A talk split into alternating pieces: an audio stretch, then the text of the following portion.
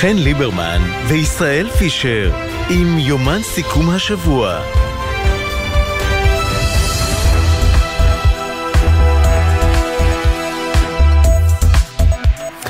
אפשר היה לקרוא לזה ערב טוב ישראל. ערב טוב ישראל. צריך אה, לעשות אולי rebranding לזה, לא יודע. נכון, כן, זה הגיע הזמן, זה הזמן. כן, זה הזמן לקחת משהו טוב מהשם אה, המיושן משהו, ולא משנה. כן. אז תראה, לפני שנדבר על אה, מה שקורה ברמת הגולן וננסה להבין אה, גם מה זה הטורבינות האלה ועל מה הדרוזים מוחים, כי ברור לנו שזה לא רק על הטורבינות אה, ויש עוד הרבה עניינים. יש, יש גם דברים ש, שחשוב לך לומר. נכון. אני שמעתי השבוע בזעזוע את חבר הכנסת יצחק פינדרוס מיהדות התורה, מדבר על הקהילת הלהט"ב, מגדיר אותנו יותר גרועים מחיזבאללה, מדאעש ועוד ועוד דברים. זו אמירה מסיתה, אין בזה צל של ספק, אבל אני חושב שיותר מהכל, ואני רוצה אולי קצת לסלוח לחבר הכנסת פינדרוס, מדובר בבורות. כי סביר להניח שהוא לא באמת מכיר מקרוב מישהו מהקהילה הזו.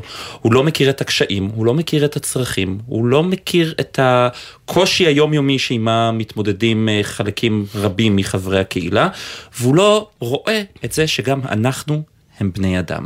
אני יכול לספר מהחוויה האישית שלי, שברגע כן. שאנשים באו ממשפחה דתית, ברגע שאנשים הכירו ונפתחו וראו ולמדו, יש קבלה והכלה והרבה מאוד אהבה, ועל זה אני מודה, אני יודע שזה לא המצב ככה, כך בכל מקום, אבל ברגע שהייתה את ההיכרות והפתיחות והרצון להכיר את הבן אדם, אותי, שנמצא מולם, אז הדברים נראו הרבה יותר טוב, ולכן אני סולח לו, לחבר הכנסת פינדרוס. אוקיי, תראה, זה, זה, זה מעניין מה שאתה אומר, כי צריך רצון בשביל להכיר, ולפי הדברים של פינדרוס, ואיך שהוא מסביר אותם, מה שחוסם את הרצון הזה, זה ההישענות שלו על מה שכתוב בתורה, כי הוא אומר, ככה כתוב בתורה, שזה אסור, איסור מוחלט, אה, הארץ תקיא אתכם, הוא חוזר על האזהרות שכתובות, ולכן הוא מסביר את ההתנגדות הכל כך אגרסיבית שלו, אה, ואת האמירה ההזויה ש, שקהילת הלהט"ב יותר גרועה מחמאס וחיזבאללה. עכשיו, כשאני שמעתי את הדברים, היה לי ברור שזה יעורר סערה, אבל אה, אני חייבת להגיד, אין גינוי שישנה דעתו של חבר הכנסת פינדרוס, כי זאת הפרשנות הדתית שלו, אפשר גם להתווכח, יכולה להיות פה גם מחלוקת לשם שמיים באמת על איך הוא מפרש את התורה, כי אני מכירה לא מספיק, אה, לא מעט דתיים שרואים את הדברים אחרת ומפרשים את הדברים אחרת, וחושבים שיש איסורים הרבה יותר חמורים, אבל אני בכלל לא רוצה להיכנס לדיון הדתי איתו, ואני ממש לא מתיימרת ולא חושבת שיש לי איזשהו סיכוי לשכנע אותו. דבר אחד אני רק רוצה, שאם יהיה רוב בציבור הישראלי, או אפילו לא רוב, 30 אחוזים, שחושבים כמו פינדרוס, ותהיה להם ברית פוליטית עם עוד 30 אחוזים שפשוט לא אכפת להם, אני לא רוצה שאותה פרשנות דתית תכתיב מדיניות של הממשלה שיכולה לפגוע בזכויות הלהט"ב, בגלל שהם הרוב ובטענה שזה מה שהרוב רוצה. כלומר, זו דוגמה חיה לסיכונים שיכולים להיות ברגע שאנחנו נחשוב שדמוקרטיה זה רק מה שרוצה הרוב. אז uh, צריך להשת... להשתמש בדברים של פינדרוס פשוט כתמרור אזהרה. לשכנע אותו, לא רוצה. לשכנע, אבל לזהור- להיזהר שהבורות לא תוכל לנצח במקרה הזה. הלוואי. ולפני זה קצת עדכוני תנועה. בחסות תשע ביטוח, המציע ביטוח רכב דיגיטלי בלי להתמקח עם נציג, כי ההנחות כבר באתר. איי-די-איי חברה לביטוח, כפוף לתקנון. בחסות מפתח דיסקונט, המציע חניה חינם בחניונים ברחבי הארץ אחר הצהריים ובסופי שבוע. כמפורט באתר הבנק, כפוף למינום שימוש בכרטיס. בחניונים נבחרים.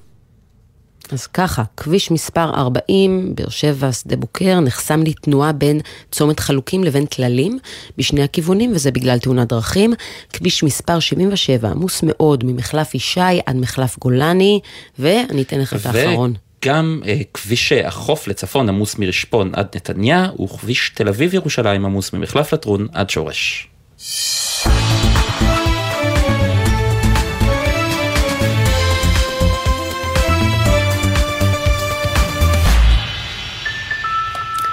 טוב, אנחנו רוצים עכשיו לעבור לרמת הגולן, אה, לסערה ולעימותים סביב הקמת הטורבינות שם.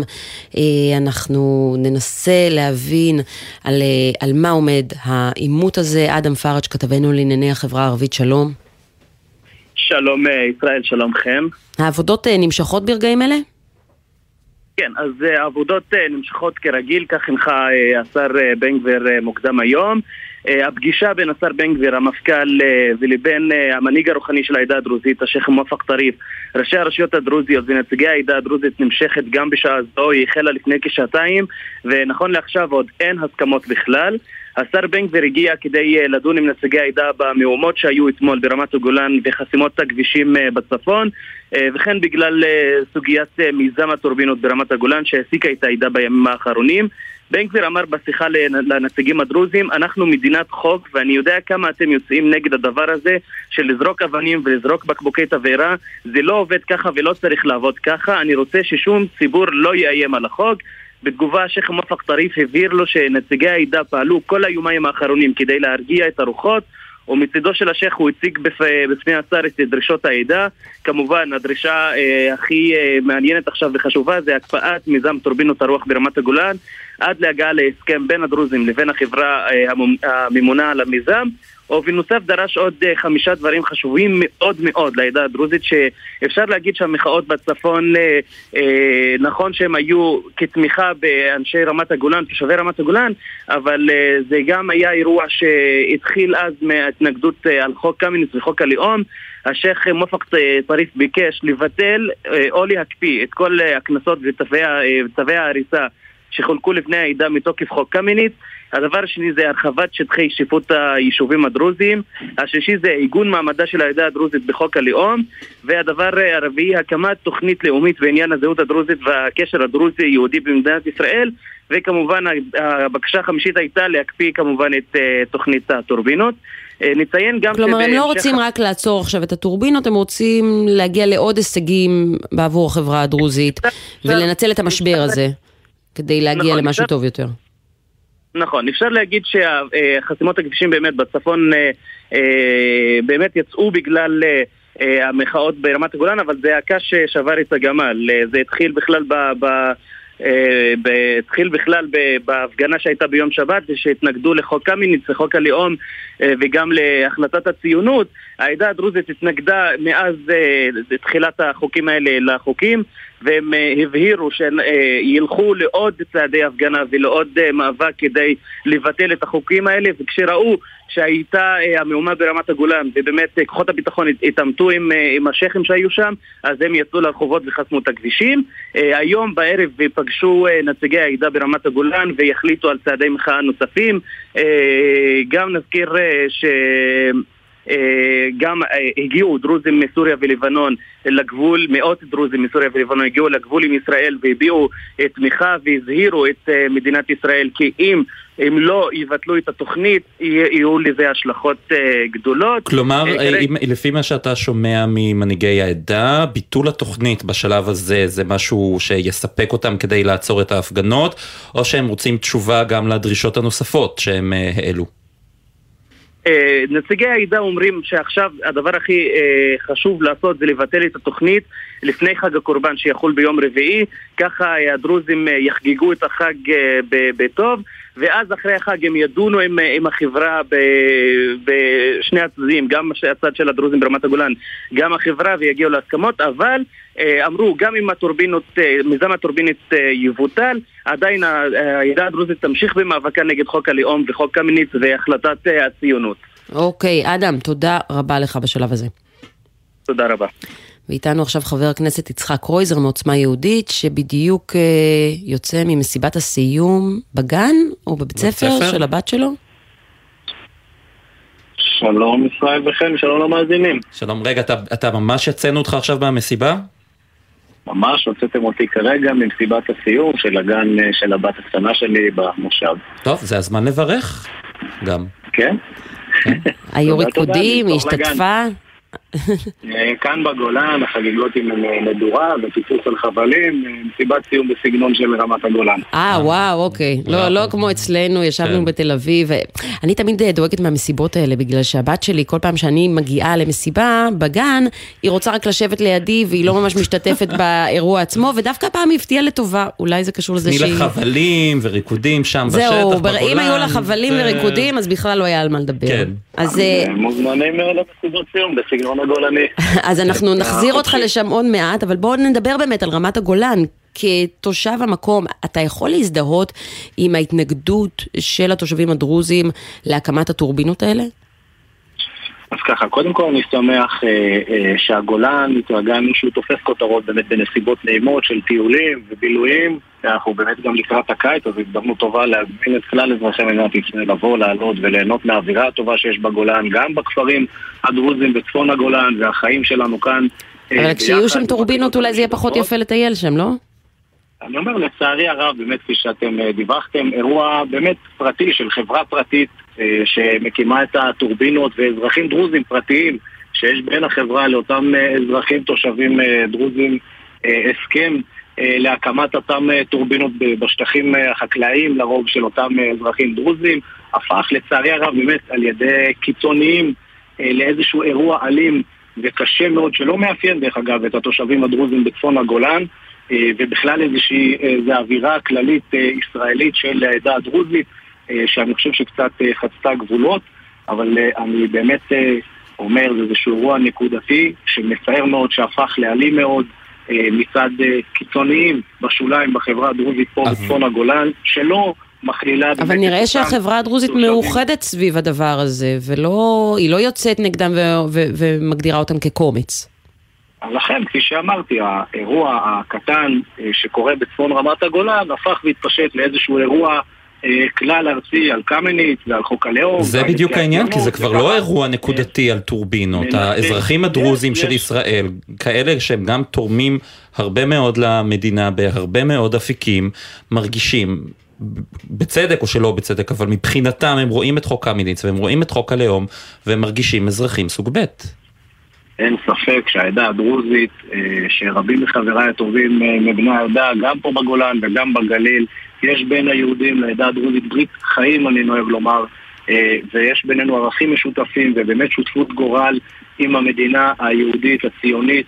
אם אפשר לראות אותם גם בשירות הביטחון, אבל אני... אולי לא זו אמירה שהייתה נכונה ובשנים האחרונות היא קצת נחלשת, אולי לפחות מבחינת, אם תשאל את הדרוזים?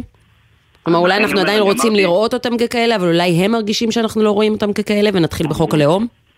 אז אני אומר, אמרתי לא מזמן בכנסת, ביום ההוקרה לעדה הדרוזית, שהחברה הישראלית, ובראש ובראשונה אה, משרדי הממשלה צריכים לראות את העדה הדרוזית בכלל כשותפים מלאים, ולא רק בתפקידים בכוחות הביטחון, אלא בכלל בכל משרדי הממשלה, וכשהם נוטלים אה, חלק אה, בריא וטוב בכל אורח חיים שלנו כאן במדינה. אבל אה, יש רגשות מסוימים של אה, הקבוצה העדה הדרוזית, ולצערי הרב, אני אומר וחוזר, יש מי שלוקח את הנושא הזה, אה, שקורה כאן בגולן, ומנסה להלביש עליו את כל מה שנקרא הנושאים הבוערים שמטרידים את החברה הדרוזית. וזה לא מאפיין לא את תושבי רמת הגולן, ובטח לא את הדרוזים בכפרים בצפון רמת הגולן.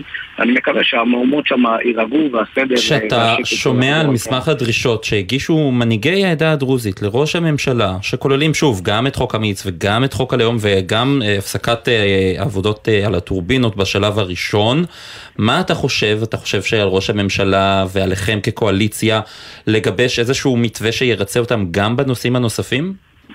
אני חושב שיש מקום של כבוד והערכה רבה גם במשרד ראש הממשלה, וראינו את ראש הממשלה יושב גם עם נכבדי העדה ועם המנהיגים הדתיים והפוליטיים של העדה, אבל אי אפשר יהיה לקבל איומים באלימות, ואלימות קשה, יש לומר, שהייתה כולל שימוש בירי בנשק חי אה, בצפון הגולן, דבר שלא מאפיין את האזור השקט הזה. אי אפשר להתנהל כאשר יש איומים על הריבון, על מדינת ישראל, באם לא תקיימו את הדרישות שלנו, אז אנחנו נביא את השטח, כך לא מתנהלת מדינה דמוקרטית, כך לא מתנהל שלטון חוק, ולכן בראש ובראשונה צריך להחזיר את השקט ואת הביטחון אה, לתושבי רמת הגולן, לתושבי הכפרים הדרוזים ברמת הגולן, ואם לנכבדי העדה יש נושאים שבוערים על הפרק כדי להמשיך ולקדם ולדחוף את העדה כפי שמגיע לה, יכולים לעשות את זה בצורה אה, תרבותית, בצורה מכובדת שתכבד את העדה. ביחד עם ראש הממשלה ועם השרים הנוגעים בדבר. השאלה אם אפשר לקדם את השקט כשהשר בן גביר מורה על המשך העבודות, למרות שכן יש ניסיונות הידברות לפני שממשיכים עם העבודות, למרות שהמשטרה המליצה להפסיק את העבודות, והשר בן גביר אומר תמשיכו בכל הכוח. אז אני גם אה, חוזר על מה שאמר אה, הדובר שהיה לפניי. עצירת העבודות על הטורבינות אינה קשורה למהומות. זה ניסיון של קיצוניים לנסות להלביש את נושא הטורבינות ברמת הגולן על נושאים אחרים שמפריעים לעדה הדרוזית. אני לא מבינה מה אתה אומר, חבר הכנסת קרויזר. אתה טוען שמי שהפגין אתמול נגד הטורבינות לא הפגין נגד הטורבינות? מי שהסית והתסיס את הרחוב בכפרים הדרוזיים, שהם כפרים שקטים ונעימים, ואתם מוזמנים לבוא לבקר. אני מניח שרוב עם ישראל יצא לו לבקר ולהסתובב בכפרים הדרוזיים שהם שקטים ומקבלי פנים, מכניסי אורחים בצורה הטובה ביותר. לא מאפיין את ההתנהגות שהייתה שם. לכן אני אומר, אירוע נקודתי, פרטי, בין חברה פרטית לתושבים מקומיים דרוזים שחתמו על הסכם חברה פרטית להקמה של טורבינות בשטחים החקלאיים שלהם, מוצע על ידי גורמים קיצוניים כדי להבעיר את השטח ולגרור אותו לאיזה שיח כללי של כל העדה, אם יש להם טענות כאלה ואחרות על חוק הלאום ועל חוק האמיניץ ועל נושאים אחרים שבוערים בעדה. ואני יודע ורואה, וגם כל עם ישראל ראה, שלעדה הדרוזית יש מקום של כבוד, גם במשרד ראש הממשלה וגם עם השר, אצל השר איתמר בן גביר, שנפגשו עם נכבדי העדה, גם הנכבדים הדתיים וגם אה, מנהיגי העדה הפוליטיים. וישבו ושמעו את הטענות, אבל אי אפשר יהיה שבמדינה ריבונית, מדינה שומרת חוק, יהיה שתהיה צרה ככל גדולה ככל שלא תהיה, שמדינת ישראל תשנה את המדיניות של חברה פרטית בגלל איומים כאלה ואחרים שנוקטים אה, חברה... ויכול להיות שבמדינה שומרת חוק, אזרחי המדינה, שומרי החוק, ירדו לכפרים פלסטינים שסמוכים למקום מגוריהם ויציתו בתים ומכוניות שם ויפגעו בתושבים, אני אה, גיניתי כל אלימות, גם מה שאתה ציינת עכשיו וגם מה שקרה בצפון רמת הגולן. אנחנו נגד אלימות, אנחנו כן בעד שלטון חוק, גם ברמת הגולן וגם ביהודה ושומרון וגם בחיפה, וביטחון מגיע לכל אזרחי מדינת ישראל מצפון ועד דרום. כשאנחנו מסתכלים על מה שקורה ביהודה ושומרון, ואנחנו רואים התייעצויות ביטחוניות שמקיים ראש הממשלה, השר בן גביר לא נמצא שם. השר בן גביר מתווה מדיניות מאוד ברורה בנושא ביטחון הפנים ואני שמח לראות שגם הדרישות שלנו בנושא אה, הביטחון אה, שנמצא אה, בידי שר הביטחון וראש הממשלה בהפעלת הכוח של צבא ההגנה לישראל על שלל הכלים שיש לצבא ההגנה לישראל מתקבלות גם כאשר בדיונים פנימיים שלא נדרש מכוח החוק לצרף את השר בן גביר. עדיין הדרישות שלנו מתקיימות שמה, ואנחנו רואים גם ברצועת עזה במבצע... אתה חושב שלא היו צריכים לצרף אותו בעצם להערכות מצב הביטחוניות האלה? אני חושב שהיה צריך לצרף את השר אה, איתמר בן גביר לישיבות הביטחוניות, ואנחנו שמחים לראות שהדרישות שלנו של חיסולים ממוקדים והפעלת כוח וחיסול מחבלים קורה למרות שבפני אה, השטח לא מזמנים את השר בן גביר, אבל בפועל הצבא מקבל את ההנחיות הברורות מאוד להפעיל כוח, לחסל ולנצח ולהכריע את ארגוני המחבלים. ראינו את זה במבצע ברצועת עזה, ושמחנו לראות שהכלי הזה של חיסולים ממוקדים מגיע גם ליהודה ושומרון, אמנם באיחור של 20 שנה, אבל הגיע גם כן ככלי יעיל שיוכיח את עצמו במאבק של, שלנו כנגד אותם ארגוני מחבלים. אז אתה זוקף את החיסול הממוקד הזה בג'נין לזכותכם? אני אומר שאנחנו שמחים לראות שהדרישות שלנו גם בנושא הביטחון אל מול אה, הפעלת צבא ההגנה לישראל הדרישות שלנו מיושמות גם כאשר השר איתמר בן גביר לא מוזמן לדיונים הפנימיים של ראש הממשלה ושר הביטחון. אנחנו רואים שאנחנו דורשים כל הזמן הפעלה של כלל הכלים ולא רק שימוש באמצעים של יחידות מיוחדות שיודעות להגיע לאותם מחבלים בפינצטה ולסגור מעגל מהר מאוד ומגיע לכוחות הביטחון שאפו גדול על ה... באמת על המודיעין הרב ועל היעילות והדיוק, אבל אנחנו שמחים לראות שהדרישות שלנו של חיסולים ממוקדים מהאוויר בלי לסכן את חיילי צה"ל מופעלים ומביאים תוצאות טובות בשטח. אז, אז אתה אומר שעליית המדרגה בג'נין אה, מבחינת צה"ל זה כן בגלל הדרישות שלכם. אני אומר שאני שמח לראות שהדרישות שלנו מתקבלות ומיושמות בשטח. או, אז uh, אתה אומר ולא אומר. Uh, מה אתה חושב, איך המשטרה, מי לא המשטרה, הצבא, רשויות uh, החוק בישראל צריכות לנהוג במתפרעים בכפרים הפלסטינים? כפי שאמרתי... המתפרעים היהודים בכפרים הפלסטינים. אנחנו בעד שלטון החוק מכל רחבי מדינת ישראל, זה כולל את יישובי יהודה ושומרון. כולל את כל השטח הזה, מהדרום ועד הצפון, יש לנו מדינת חוק, יש לנו כוחות ביטחון, יש לנו משטרת ישראל, ואנחנו ניתן להם לטפל בנושאים האלה, בדיוק כמו שאני רוצה, ובדיוק כמו שאתה רוצה, אתה יכול להיות בטוח. היית רוצה לצאת בפנייה אולי יותר ספציפית למתנחלים שהציתו מכוניות ובתים כפעולת נקם? היית רוצה אולי להגיד משהו ספציפית להם? אני חושב שלהסיט את הדיון ביממה קשה מאוד שעוברת על התושבים היהודים ביהודה ושומרון, יש שם מעל חצי מיליון תושבים שאיבדו ארבעה נערים, שלושה נערים וסבא אה, בפיגוע בטבח שהתרחש בתוך מסעדה ליד היישוב עלי. להסיט את הדיון על איזה אירועים שוליים שקורים שם, שכולנו מגנים אותם, אני חושב שזה לא ראוי. זה שולי? צריך להתעסק במהות של אירוע טרור חמור מאוד, של טבח בתוך מסעדה, של אזרחים יהודים, אך ורק מאשר היותם יהודים, ועל כך הם נרצחו. ולהתעסק בכך שאנחנו דורשים מצבא הגנה לישראל, מראש הממשלה ומשר הביטחון, להפעיל את צבא הגנה לישראל, כפי שראינו בחיסול הממוקד, ולהפעיל אותו ביתר שאת, ביותר כוח, במבצע נרחב, בכל הערים ביהודה ושומרון. ולמגר את הטרור ולתת לצבא הגנה לישראל את הפקודה הברורה. אבל, אבל מה הכוונה להסיט את. הדיון? מה זה אומר להסיט את הדיון? כלומר, לא לדווח על זה? איך אפשר, איך אפשר לא להסיט גם את הדיון ולהסיט? לדבר גם על זה וגם על זה.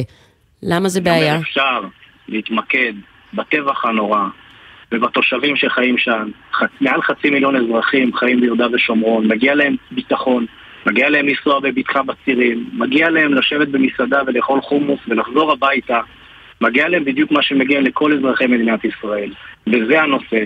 והנושא השני הוא שצריך לתת לצבא ההגנה לישראל את הפקודה הברורה לנצח ולהכריע. יש לנו צבא גדול, צבא חזק, מיטב בנינו נמצאים שם, ובנותינו נמצאים בצבא הזה. הוא יודע לפעול, הוא יודע לעבוד, הוא יודע לנצח ולהכריע. הוא צריך לקבל כן. את הפקודה הברורה להיכנס למבצע צבאי נרחב כדי למגר ולחסל את אותם ארגוני טרור. אוקיי. חבר הכנסת יצחק קרויזר מעוצמה יהודית, נחזיר אותך למסיבות הסיום בגנים. ותודה רבה. תודה רבה. המשכם טוב. טוב, אנחנו ממשיכים בכל מה שקשור אה, למהומות אה, הדרוזים והטענות שלהם, מסמך הדרישות שלהם שדיווח עלינו, עליו אה, כתבנו אדם פראג' מקודם. שלום לרדי נג'ם, ראש מועצת בית ג'אן. שלום. ערב טוב, ערב טוב לך ולכל המאזינים. אומר לנו חבר הכנסת קרויזר שההפגנות אתמול הן לא באמת בגלל הטורבינות ולמעשה מדובר בקיצונים שהשתלטו ושמשפיעים, קומץ. קומץ של קיצונים שמשתלטים על הגזרה המאוד שקטה אה, של הכפרים הדרוזים ברמת הגולן ושזה לא מייצג אותם ושזה בכלל לא קשור לטורבינות אלא לדרישות אחרות. אני לא מבין איך אנשים ממהרים ומגיעים למסקנות, בכל זאת, לדעתי, קדושת האדם היא באמת אה, בעלת ערך כלכלי יותר מכל מיזם כזה או אחר, שכלכלי או מיזם. לדעתי צריך להגיע להבנות מוסכמות. אני מבין, הייתי בלב האירוע, אני הייתי בתחנת המשטרה כשהאירוע היה בצהריים. ואני יודע מה הלך לשם, ולדעתי צריך למצוא פתרונות שהם אה, כביכול מקובלים על שני הצדדים, ו- וכל הדברים האלה... אבל מה הפתרונות? הפתרונות צריכים להיות קשורים רק לנושא העבודות על טורבינות הרוח, לא, או שהפתרונות צריכים להיות לא, כוללים לא, יותר, לא, רחבים יותר, לא, עם נושאים לא. אחרים שהצפתם? לא. יכול להיות אנחנו כמתווכים, יכול להיות שאנחנו רוצים להגיע לפיוס, ראשי הרשויות, ההנהגה של היישובים הדרוזיים, עם השכם שלנו, אנחנו נהיה מתווכים, נהיה בתווך, רוצים אה, ששני הצדדים יגיעו להבנות. עכשיו, טיב אה, ההטבות, טיב אה, איך יגיעו, למה מסכימים, למה לא, מה כן, אבל במצב כיום מצב כיום שאחד רוצה לפרוץ בכוח והשני רוצה להתנגד בכוח לא יביא לשום תוצאה. ולדעתי אנשים, הפיוס היום ויש לנו אה, עשר הלילות הכי קדושים בעדה אה, לקראת חג הקורבן גם העיתוי שהיה, שהקבלן עלה על הקרקע גם שיש עכשיו אה, יובול של הדובדבנים גם עונת ה... אה, שאנשים עולים לרמת הגולן, אה, עונת הטיולים, לדעתי העיתוי צריך היה להיבדק יותר נכון, יותר אה, דעתני, יותר בשכל, מאשר לבוא ולהיכנס בכוח. אבל אה, אני שואל שוב, אני לא הצלחתי להבין, האם כל נושא הטורבינות, זה- אם הוא ייפתר, זה יספק אתכם, או שאתם רוצים טיפול עמוק יותר בנוגע לדרישות שלכם, לא. שקשורות גם לחוק הלאום, לא, ולחוק בוא, קמיניץ ועוד. דברים? בוא, בוא נחלק את זה לשניים. הטורבינות זה צד אחד של המטבע, זה שייך להנהגה של כל ההנהגה של רמת הגולן. עכשיו בוא נגיע לחוק הלאום. אני אומר לך, אחרי 35 שנות שירות, אני אלוף משנה במילואים, וחוק הלאום לא צריך להגדיר אותו עוד ועוד ועוד ועוד, ואם זה אה, תיקון 116, מה שנקרא חוק קמיניץ. אה, ואני אומר לך כבעל מקצוע, מעבר להיותי ראש רשות, המדינה הזניחה את העדה קרוב ל-45 שנה בנושא תכנון ובנייה ועכשיו רוצה לעשות סדר. יש שתי גישות, אחד יעקב הדין את ההר והכל יבוא בכוח בגלל שזה ככה כתוב בחוק. אנחנו רואים היום, בואו לא ניתמם, אנחנו רואים היום, תופרים חליפה חוקית לכל בן אדם. מצד שני, עת לעשות לאדוני הפר את תורתך. אז במיוחד בתורה, מי שבא ועמד לצד המדינה, מאז אה, לפני קום המדינה, פה צריך לעשות מעשה, ויש פתרונות. אני אומר לך, יש פתרונות, אבל אין מי שיקח אותם עד הסוף ויממש אותם הלכה למעשה. מצאתם היום קשב, בנייה. ראיתם שיש קשב היום בשיחה עם השר בן גביר? כן, כן, בוא, היום היה הוצאת כעס, כל מה שיש בלב, כל מה שיש בבטן. לא יכול להיות, אני ראש רשות מ-2019, אני חי על ידי הדלק. אפילו נגמר הדלק. לא יכול להיות שיש... כל היישובים הדרוזים, אין תוכנית חומש ומה שסודר בתוכנית חומש עדיין לא בא על ידי מימוש והביאו את זה לרשויות מקומיות הנה אני אומר לך בית ג'אן, אוקיי? היישוב הכי מפואר בעולם ומותר לי להגיד את זה, מבחינת משאב אנושי ב העליון של המדינה. זה שייך לפרסונה האישית. אבל כשאני בא בוחן, ואני אומר מה הצרכים של היישוב, מבחינת תשתיות, למרות 62 החללים שמתו על תקומת ישראל, אני בפיגור 50 שנה. ממה מחכים? יישוב כזה, 40 אחוז או יותר מ-40 אחוז ממנו לא מחובר לתשתיות הביוב. אבל מה השר בן גביר אמר לכם היום בשיחה איתו? הבן גביר, בוא, אנחנו הוצאנו כל מה שיש לנו על הלב. רוצים להאמין, רוצים לבדוק שלא תהיה עוד הבטחה, שלא יהיה עוד נושא ועוד ישיבה, שמענו, ואחרי זה הולכים. אני מאוד מקווה שיקחו את זה לפתרונות מעשיים. למה השטח באמת רותח? אז ההפגנות מצומצמות בינתיים? אה, תשמע, אה, מה שהגענו למסקנה מאתמול בלילה עד, אה, נשארנו ערים כל הלילה כמעט עד שעה אחת אחרי חצות והוצאנו מכתב בהול לראש הממשלה, גם לשר לביטחון לאומי, שיקפיא את העבודות עכשיו למעלה, שישחררו את העצורים, ואני חושב את זה השגנו לפחות על מנת לעבור את החג בשלום. בתקופה הזאת צריך למצוא מנגנון להידברות. אי אפשר הכל בכוח. משילות על הרצי, אני מבין, יש משילות אחרת, בואו נתעסק עם משילות אחרת. וזה okay. אוקיי. הדברים שהם רותחים, זה הדברים שהעדה רותחת.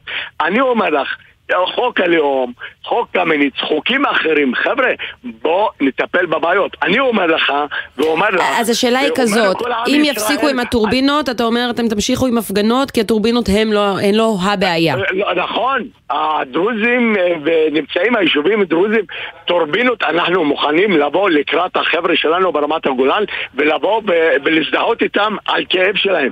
אבל המחאה הגדולה והרצינית היא של היישובים הדרוזיים ש, שאנחנו נתנו את הכל למדינה ואנחנו לא רואים שום יחס אמיתי הלכה למעשה. צבענו בהבטחות, צבענו מהכל. חבר'ה, אני אומר לכם, אסור לקחת את העדה הזאת למקום שאף אחד לא מרוצה ממנו ולא רוצה להגיע לשם. ואני okay. פונה אוקיי. לכולם, לראש הממשלה, לשר האוצר, לכל השרים, ומי שיש לו יכולת להשפיע על מהלך כזה, נו, תעשו תוכנית אה, חומש, תנו לו את הכסף שמגיע לנו, תעשו, תקראו לצידנו, מה אנחנו רוצים? אוקיי, תודה רבה, רדי נג'ם, ראש מועצת בית ג'אן. תודה רבה, תודה רבה. ואנחנו ממשיכים גם בנושא הזה, ערב טוב אריאל יוצר, מנכ"ל אנרג'יקס ישראל.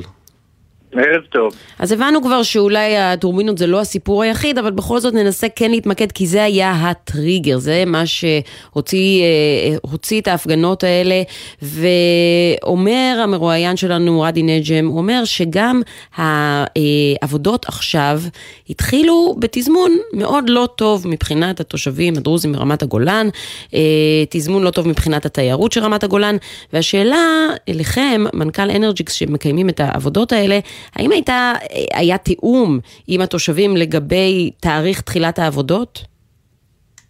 אוקיי, okay, אז אני אתייחס.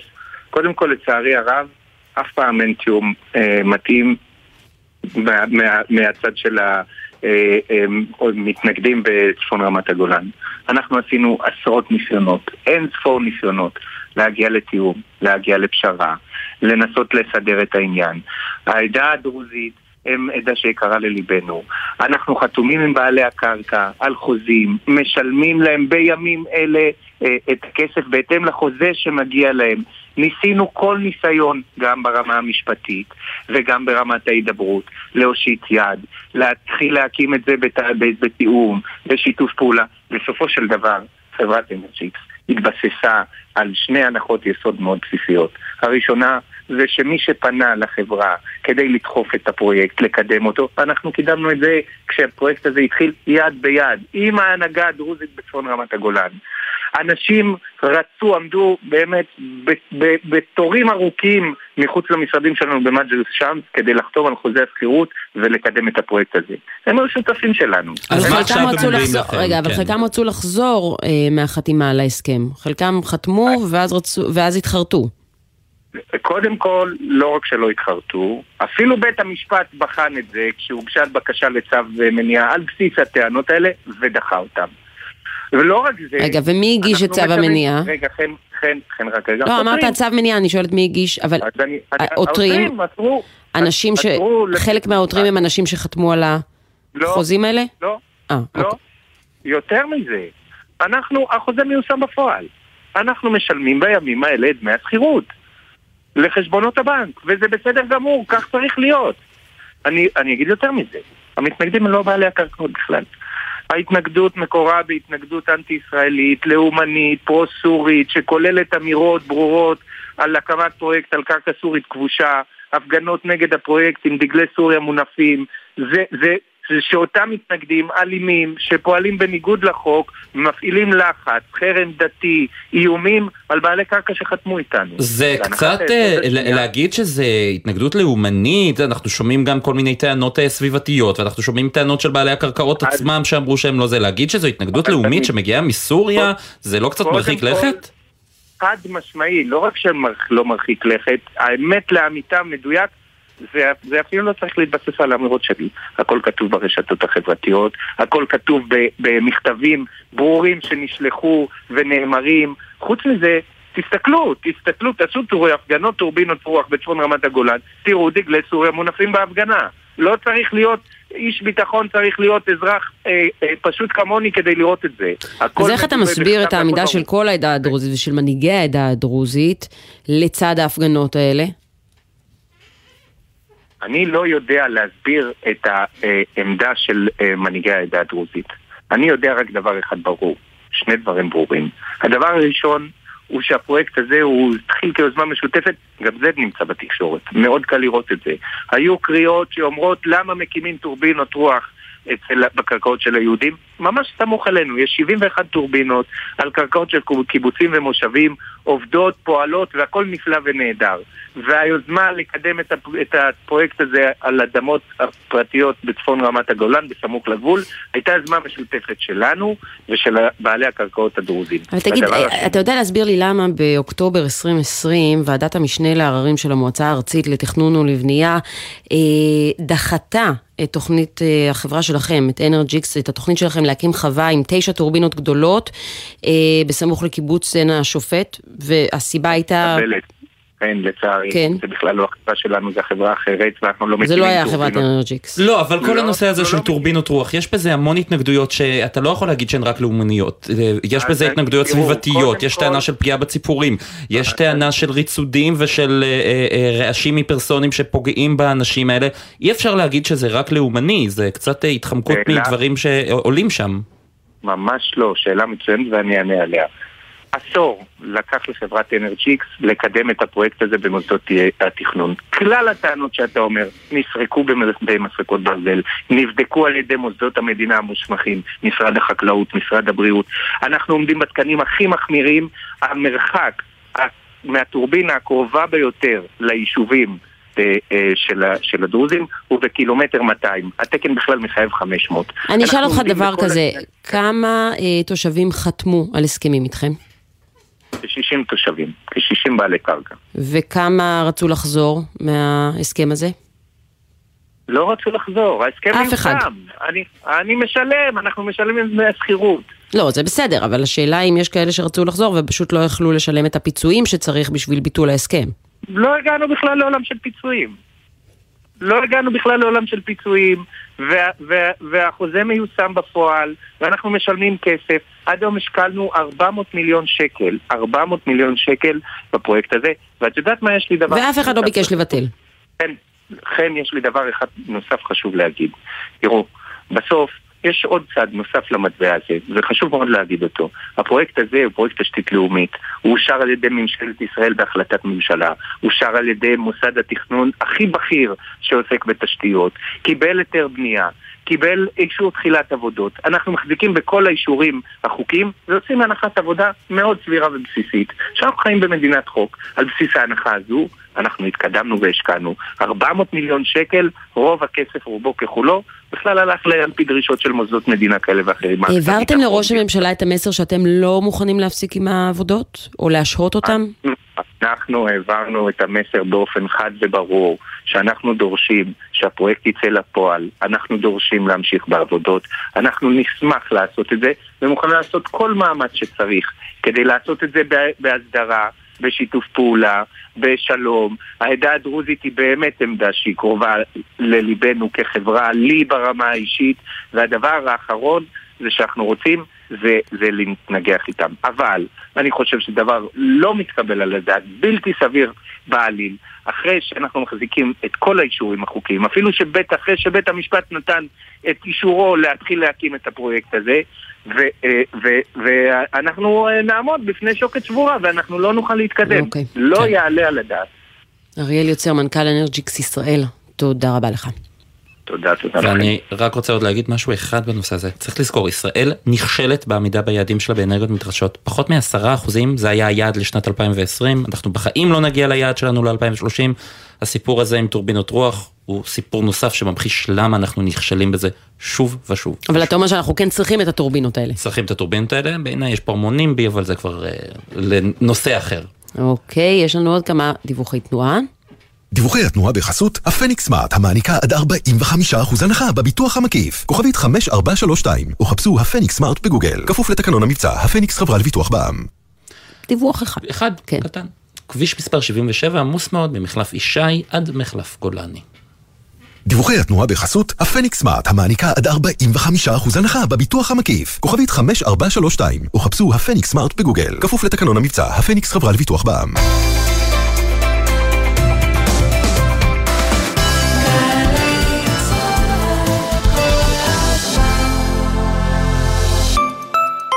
שקר וכזב, הכל שקר וכזב. פייק ניוז, דיפ פייק, דימויים מזויפים, דיסאינפורמציה, אשליות ותעתועים. הכל שקר וכזב.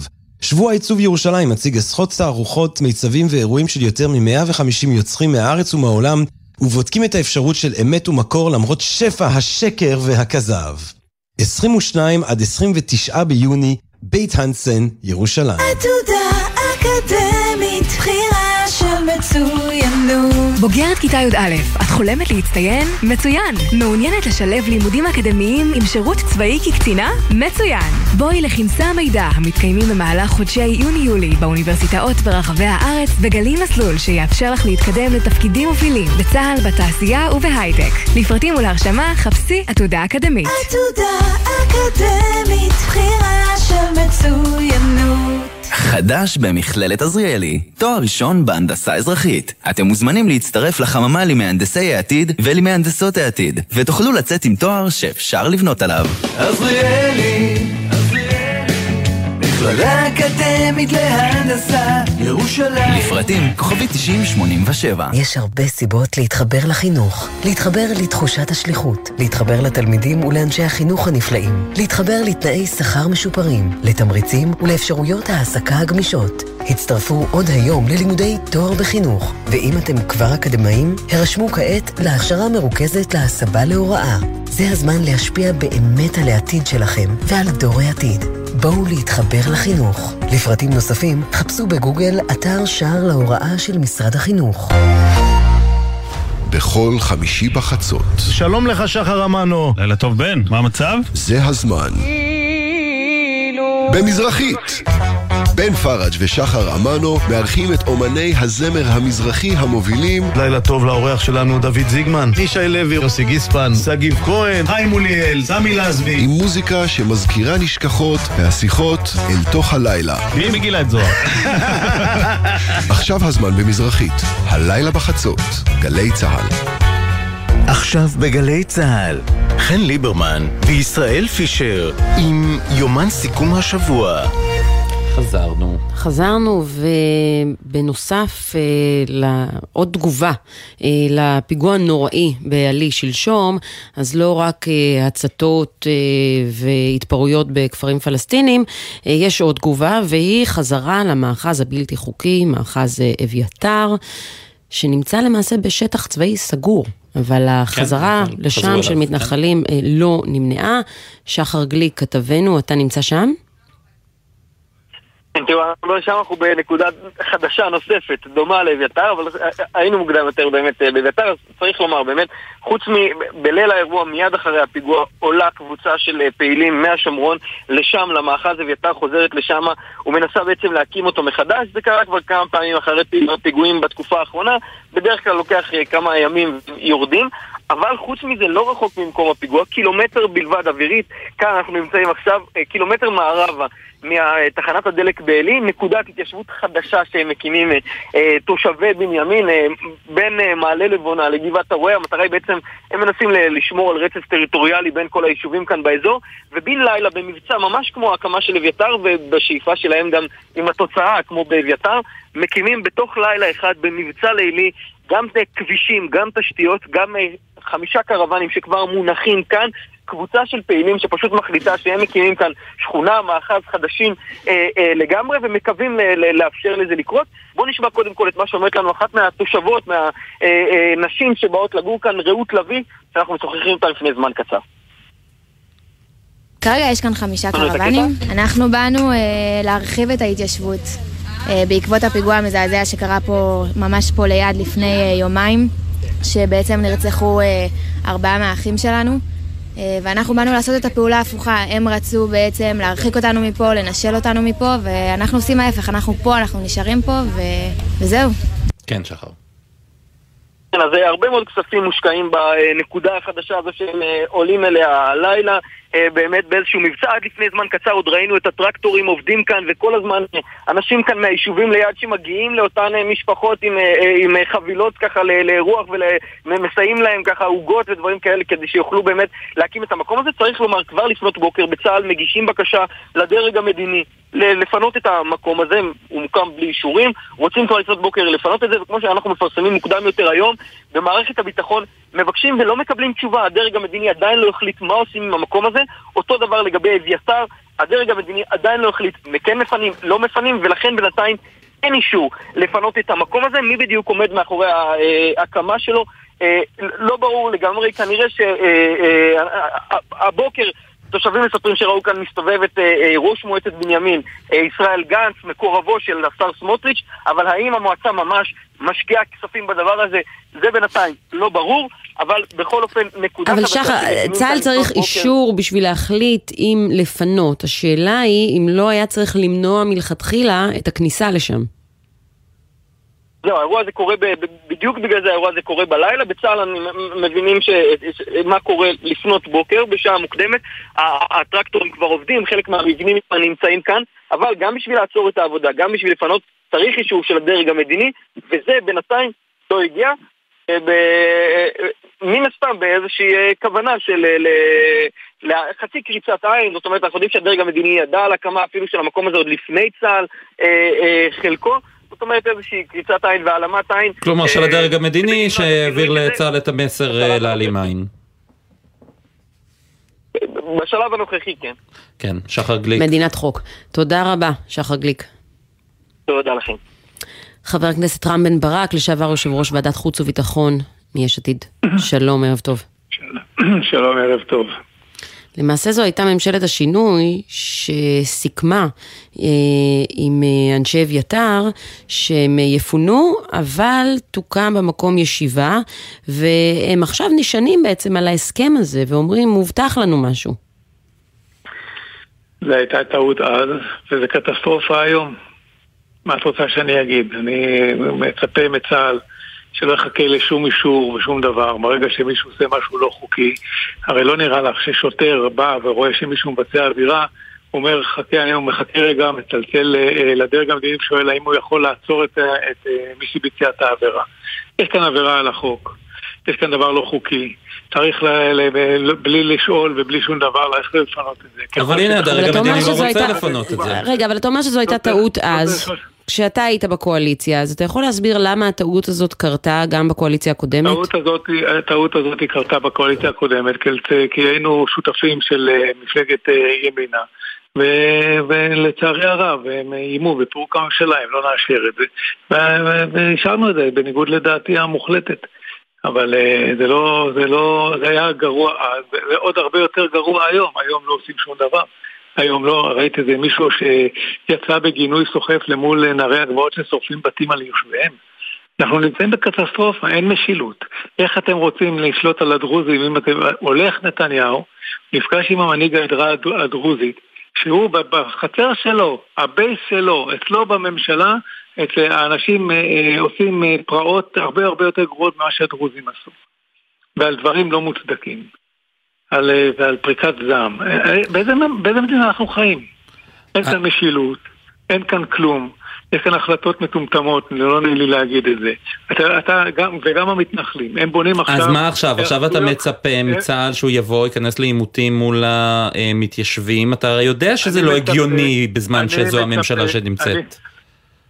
אז שתתפטר, אם היא לא יודעת למשול, שתתפטר.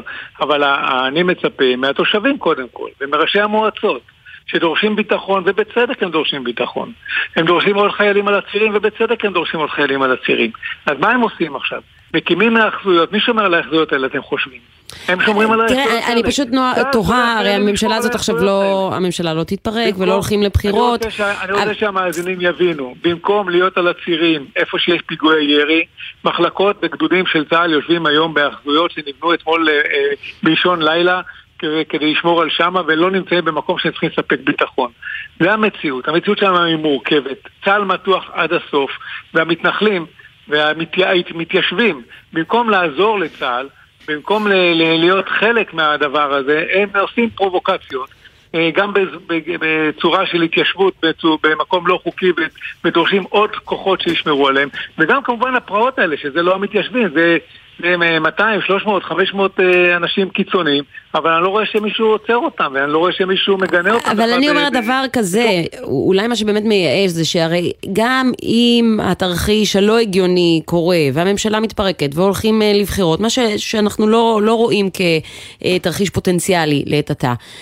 גם אתם, אני לא רואה איזושהי קונסטלציה פוליטית שבה אתם מצליחים להקים ממשלה, להרכיב קואליציה, שלא תיכנע לדרישות של אנשי אביתר בדיוק באותה צורה.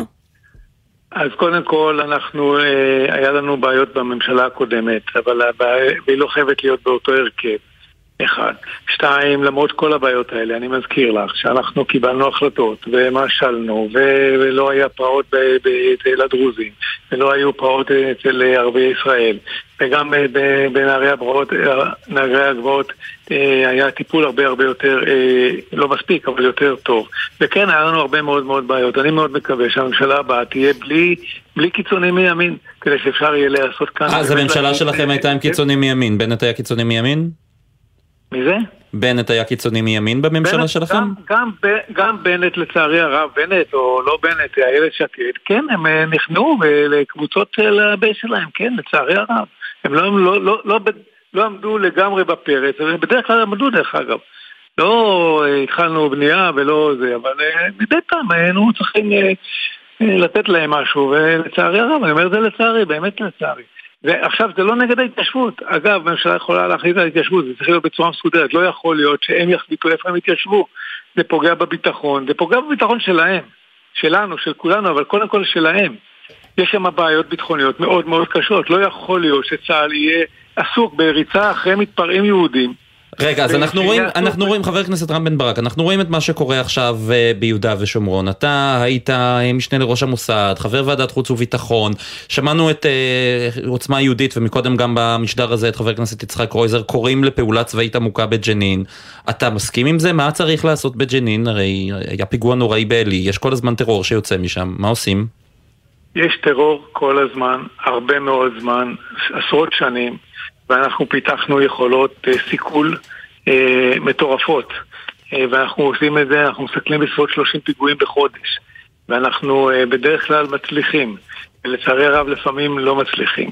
אבל המציאות שאנחנו החלטנו עליה, בניגוד לעמדתי הבסיסית, אבל הממשלה החוקית החליטה עליה, שהיא רוצה לשבת שם ביהודה ושומרון, והיא רוצה להיות כמה שיותר עמוק וכמה שיותר בתוך, אה, בתוך אה, אה, הפלסטינים, וזה מצריך אה, הר- הרבה מאוד כוחות והרבה מאוד משאבי שב"כ, ואנחנו שמים את, ה, את כל המשאבים האלה שם, ואנחנו בדרך כלל מצליחים, ולפעמים, לצערי הרב מאוד, אנחנו לא מצליחים, וחווינו בתקופה האחרונה אה, פיגועים נוראים ואיומים. ומה צריך ואכזריות לעשות עם האוהל שהקים החיזבאללה בלבנון, אה, בג- בגבול ישראל-לבנון?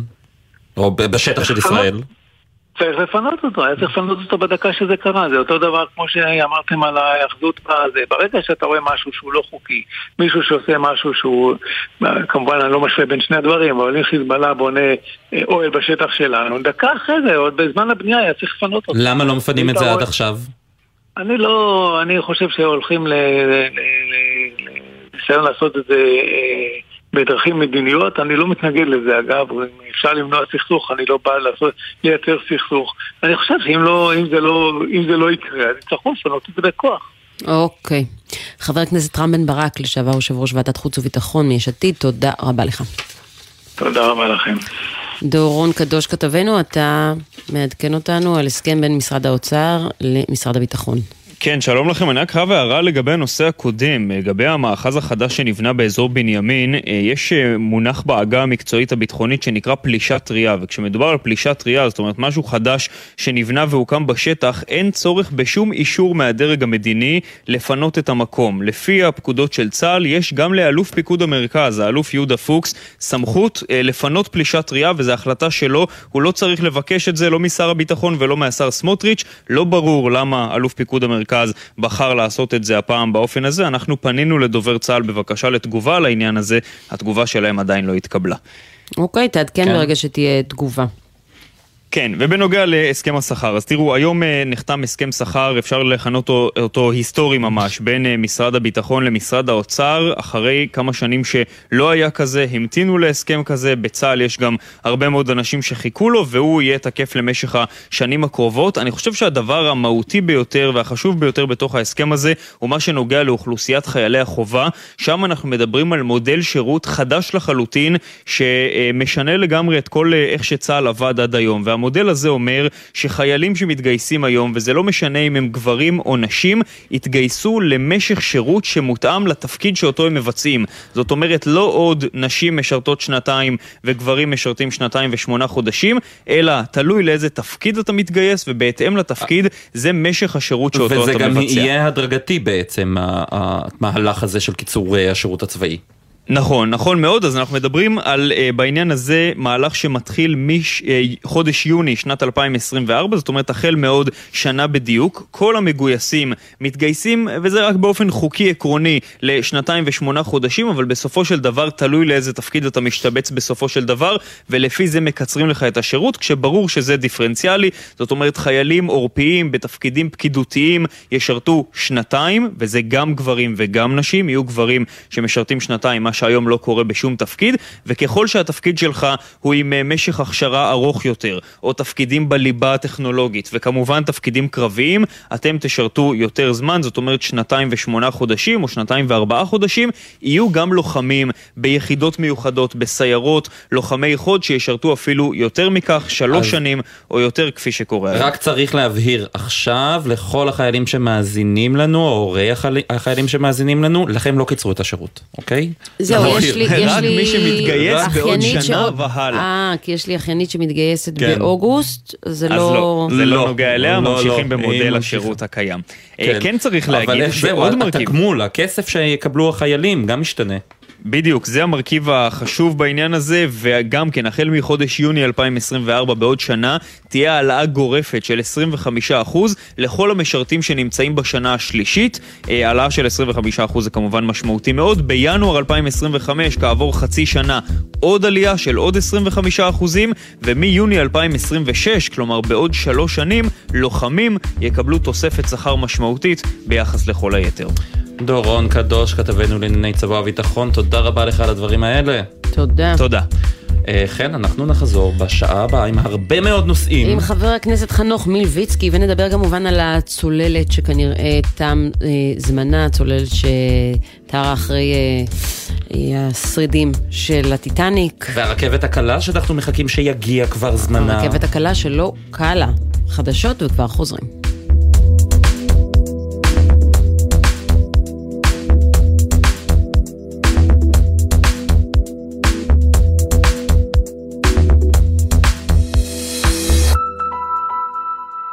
בחסות מועדון הצרכנות הוט, המציע להנדסאים, למהנדסים ולבוגרי מדעי המחשב לפתוח חשבון בבנק לאומי ולקבל מענק כספי, תור מעמלות ועוד. כוכבית 5521, כפוף לתנאי הבנק. בחסות אייס, המציע את אייס סייל. אירוע מכירות השנתי במגוון מחלקות. היום ומחר, קטלן יתושים שבמבצע ב-79 שקלים. אייס. בחסות תשע ביטוח, המציע ביטוח רכב דיגיטלי בלי להתמקח עם נציג, כי ההנחות כבר באתר. איי-די-איי חברה לביטוח, כפוף לתקנון. נשמע, נשמע, סוף השבוע,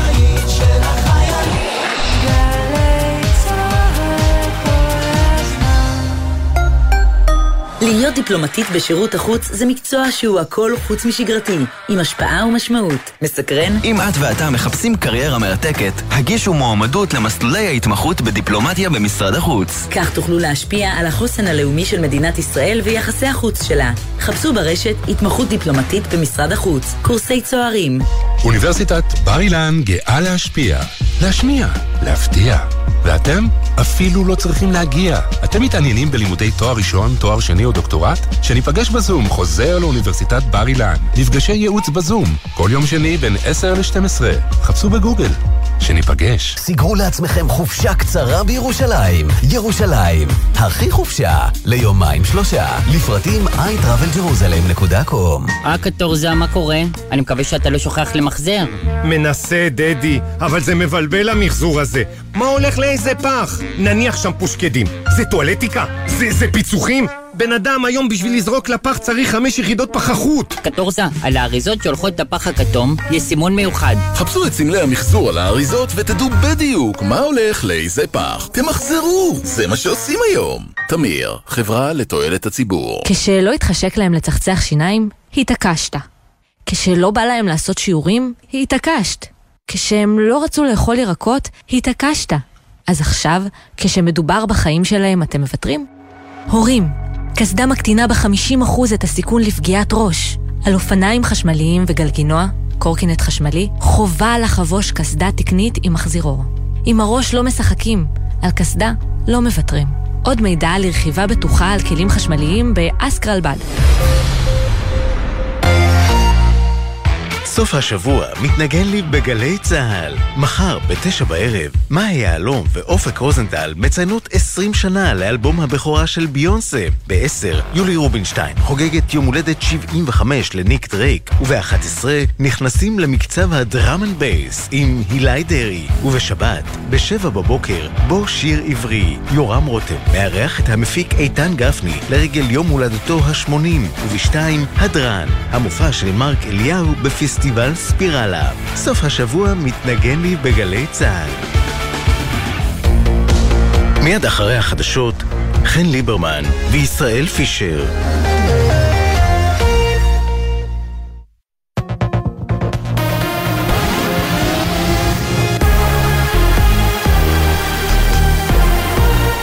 גלי צה"ל השעה 6, ערב טוב, באולפן ערן קורצים, מה שקורה עכשיו. ההתנגדות להקמת הטורבינות ברמת הגולן נובעת ממניעים פרו-סוריים ואנטי-ישראלים. כך טוען ביומן הערב של גלי צה"ל אריאל יוצר, מנכ"ל חברת אנרג'יקס האחראית למיזם. אנחנו קידמנו את זה כשהפרויקט הזה התחיל יד ביד עם ההנהגה הדרוזית בצפון רמת הגולן. אנשים רצו, עמדו בתורים ארוכים מחוץ למשרדים שלנו במג'לס שמס כדי לחתום על חוזה השכירות. המתנגדים הם לא בעלי הקרקעות בכלל. ההתנגדות מקורה בהתנגדות אנטי-ישראלית, פרו-סורית, אותם מתנגדים אלימים שפועלים בניגוד לחוק, מפעילים לחץ, חרם דתי, איומים על בעלי קרקע שחתמו איתנו. עימותים בין מפגינים לשוטרים בירושלים, עשרות התאספו בבניין כלל במחאה נגד קיומו של כנס נוצרי המתקיים שם. במקום התפתחו התפרעויות, במהלכן מוחים ניסו לעצור את הכנס ולמנוע בגופם את כניסת המשתתפים. כתבתנו בבירה נועה ברנס מציינת כי צעיר אחד נעצר, כוחות משטרה רבים נמצאים בבניין. הקטל בדרכים, אישה בשנות ה-30 נהרגה ושמונה נפצעו, בהם פצוע קשה ושבעה פצועים באורח קל עד בינוני. בתאונת דרכים בכביש 40 סמוך לשדה בוקר, בקטע כביש בו נהרגו שלושה בני אדם בתאונות בפחות מחודשיים. צוותי מגן דוד אדום פינו את הפצועים למרכז הרפואי סורוקה בבאר שבע. ידיעה שריכזו כתבנו רמי שני וגל צ'רסי.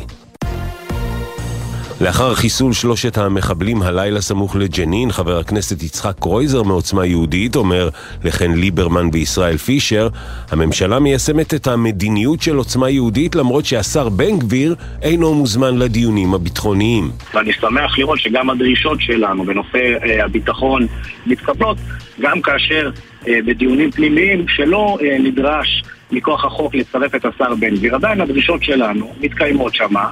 אני חושב שהיה צריך לצרף את השר אה, איתמר בן גביר לישיבות הביטחוניות, ואנחנו שמחים לראות שהדרישות שלנו של חיסולים ממוקדים והפעלת כוח וחיסול מחבלים לא רק שביתה ב-1 בספטמבר, רן ארז, יושב ראש ארגון המורים, שלח לפני זמן קצר איגרת למורים בה הורה לא לקיים הכנות בתקופת הקיץ לקראת פתיחת שנת הלימודים, לא לתגבר את התלמידים לקראת מועדי ב' וג', להיעדר מימי היערכות ולא להתקשר עם חברות שנותנות שירותי טיולים. ידיעה שהעבירה כתבתנו לענייני חינוך יובל מילר. כאן למזג האוויר עלייה נוספת בטמפרטורות. אלה החדשות.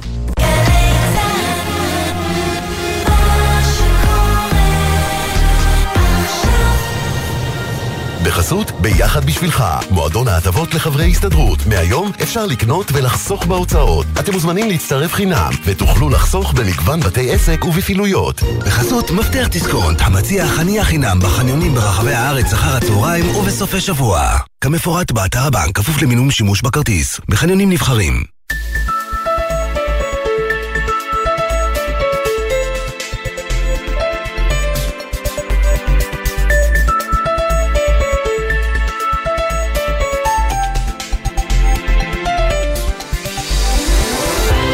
חן ליברמן וישראל פישר עם יומן סיכום השבוע.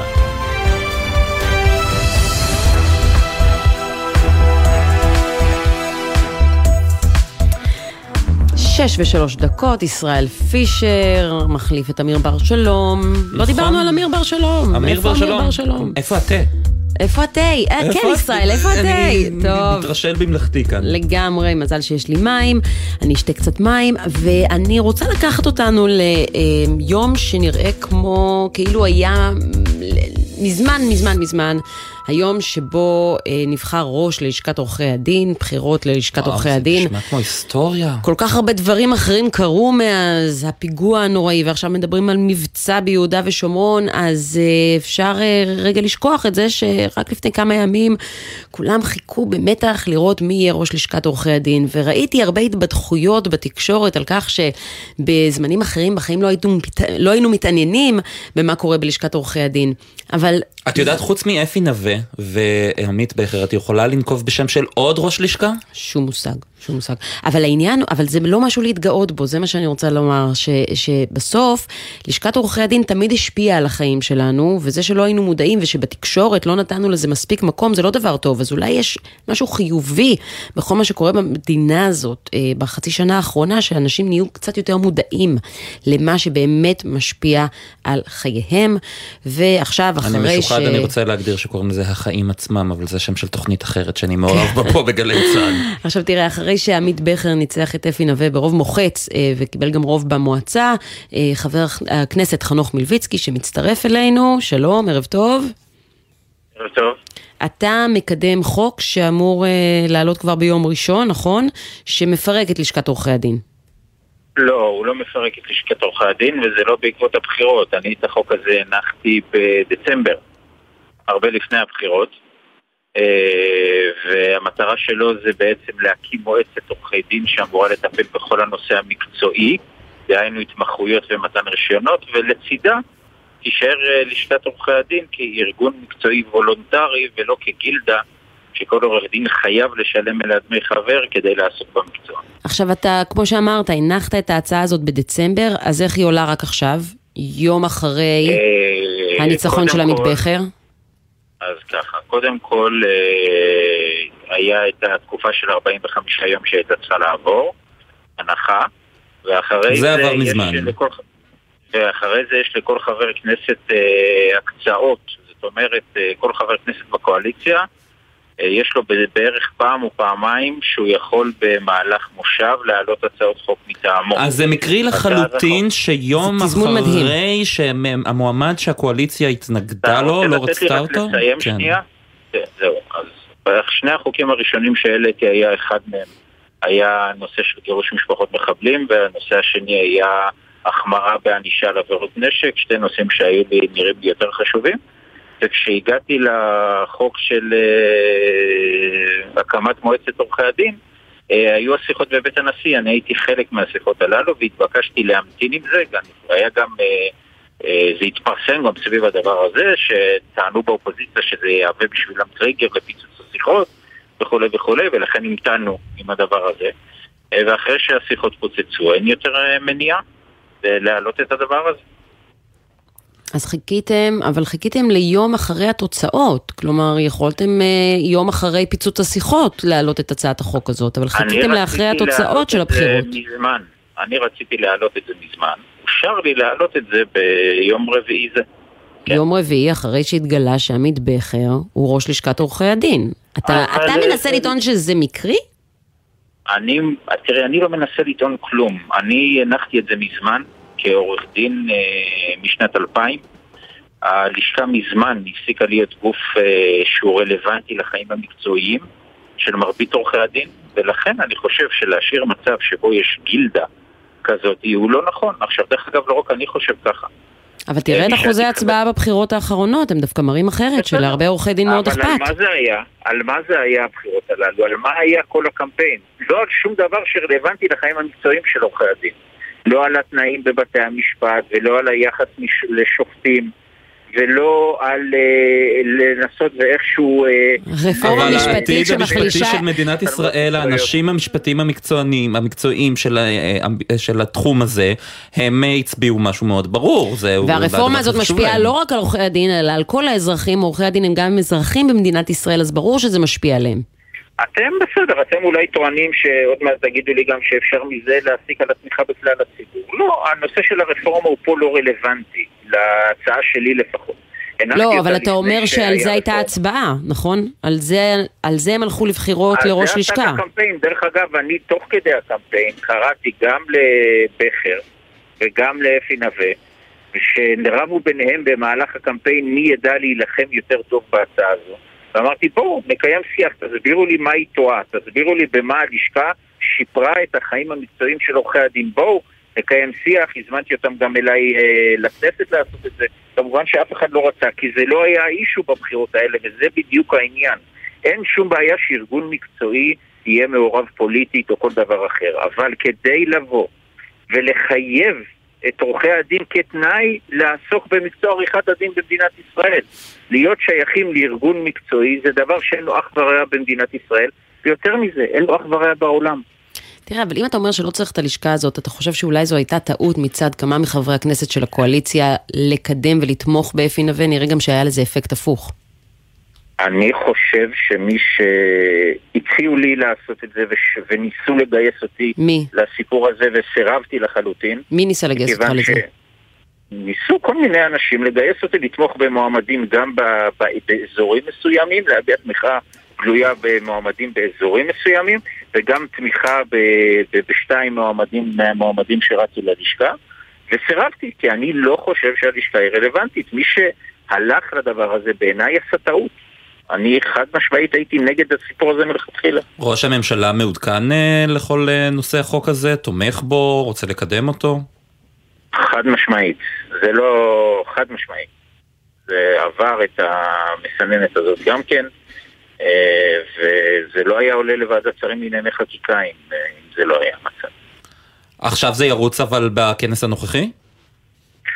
אה, זה יתחיל, זה לא יהיה איזשהו הליך מזורז, זה עובר, ב, מכיוון שזו הצעת חוק פרטית, אה, זה בהנחה שוועדת שרים לענייני חקיקה תאשר את זה ביום אה, ראשון, זה יעלה בהמשך השבוע לקריאה טרומית במליאה, אחר כך זה ישובץ בוועדות ויתחיל דיון בחוק הזה.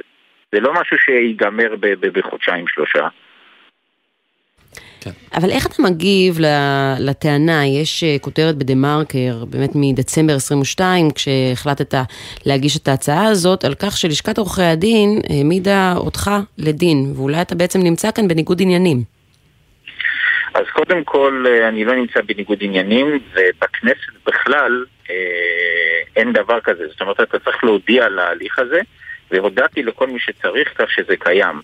מעבר לזה, ההליך אה, שבגינו העמידו אותי לדין אה, בבית הדין לאתיקה, הוא הליך שאני מוכרח להגיד אה, די הזוי, שבו נטען אה, כלפיי על ידי צד שהצגתי מולו, ששני תצהירים אה, שאימתתי אותם, עשיתי זאת בלי שהמצהירות בנושא הזה הבינו על מה הן חותמות ושלא בנוכחותן. עכשיו, הדבר הזה כבר נדון במסגרת הליך משפטי אחר, שם אה, חשפתי חליפת טיוטות ביני ובינן ותיקונים שלהם, כך שהם ידעו בדיוק על מה הן חותמות, וגם יש אה, עדים אבל שראו אין אותם טעם לפגם חותמות, בזה כך שאתה מגיש הצעת חוק הזה- נגד לשכה שהעמידה אותך לדין? אני שוב פעם, אני לא מגיש הצעת חוק נגד לשכה. אני לא מפרק את הלשכה. מה שאני כן עושה, אני משפר את המצבם של כלל, ציבור כלל עורכי הדין במדינת ישראל, על ידי זה שאני לא מחייב אותם יותר, אני מקווה שבאמת הצעת החוק הזאת תעבור, והם לא יהיו חייבים כתנאי לעיסוק במקצוע להיות חברים בארגון מקצועי. הם יוכלו לשלם דמי רישיון למדינת ישראל, ומי שירצה להיות חבר בארגון מקצועי, כי הוא ימצא בזה ערך באמת, יוכל לעשות את זה, כמו שעושים ברואי חשבון, כמו שעושים בהסתדרות רפואית, כמו שעושים אוקיי. במקומות אחרים. עכשיו, היועצת המשפטית של הכנסת אמרה שעד אמצע יולי חייב להיבחר נציג לוועדה למינוי שופטים. האם זה יקרה? אני בטוח שכן. יבחרו נציג. נציג קואליציה, אני בטוח שזה יקרה. בטח. אתה תתמודד או שאתה חושב שזה יצחק קרויזר שצריך לא, להיות... ממש, אה, ממש לא, ממש לא. זה צריך להיות לא, יצחק אני לא קרויזר?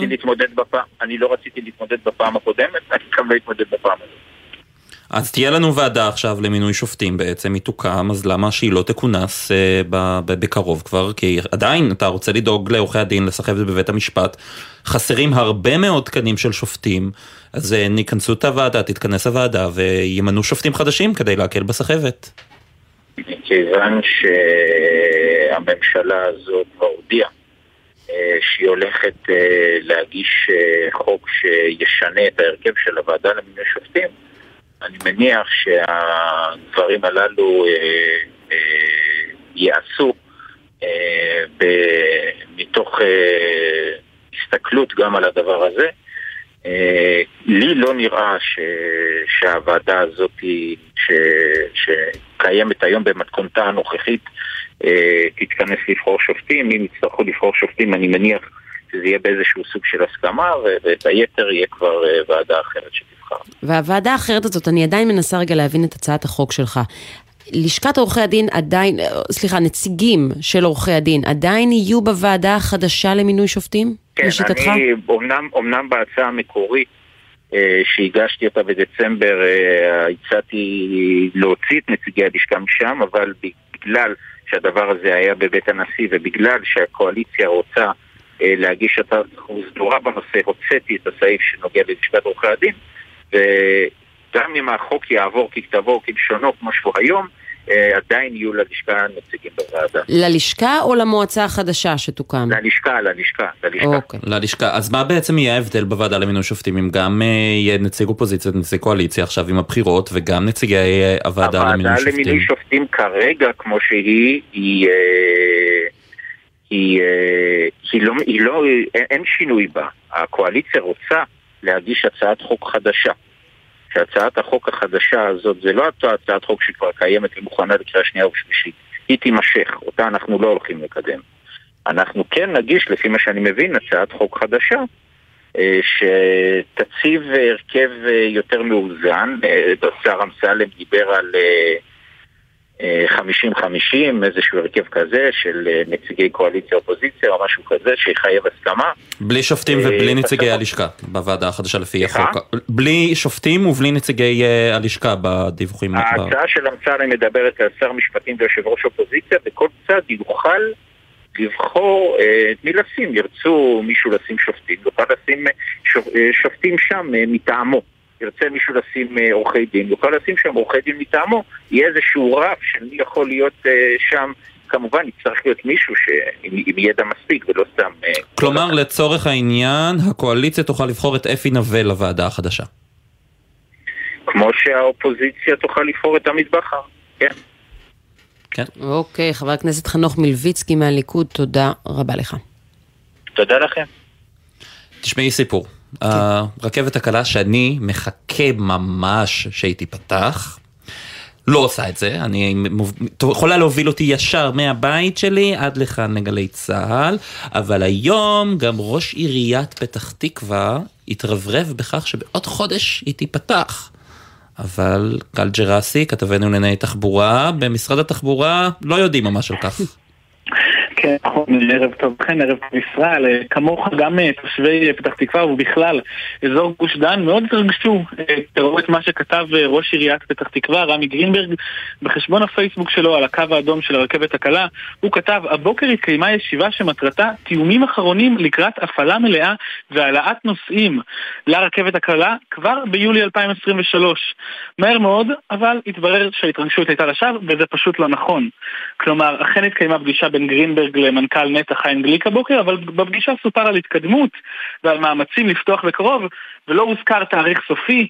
נטע מיהרה להוציא הכחשה ברגע שאותו פוסט נכתב, כי בניגוד לפרסומים, סוגיית אישור בטיחות ההפעלה עדיין נמצאת על הפרק, ואין תאריך סופי, וגם בסביבת שרת התחבורה רגב זעמו על אותה הודעה שיצאה ללא תיאום, דיברנו עם כמה גורמים בסביבתה, הם אמרו לנו, לרגע חשב ראש עיריית פתח תקווה שהוא שר התחבורה. אז uh, באמת uh, הודעה שנכתבה לשווא בלי... Uh, והוא uh, תיקן? בלי קשר למה...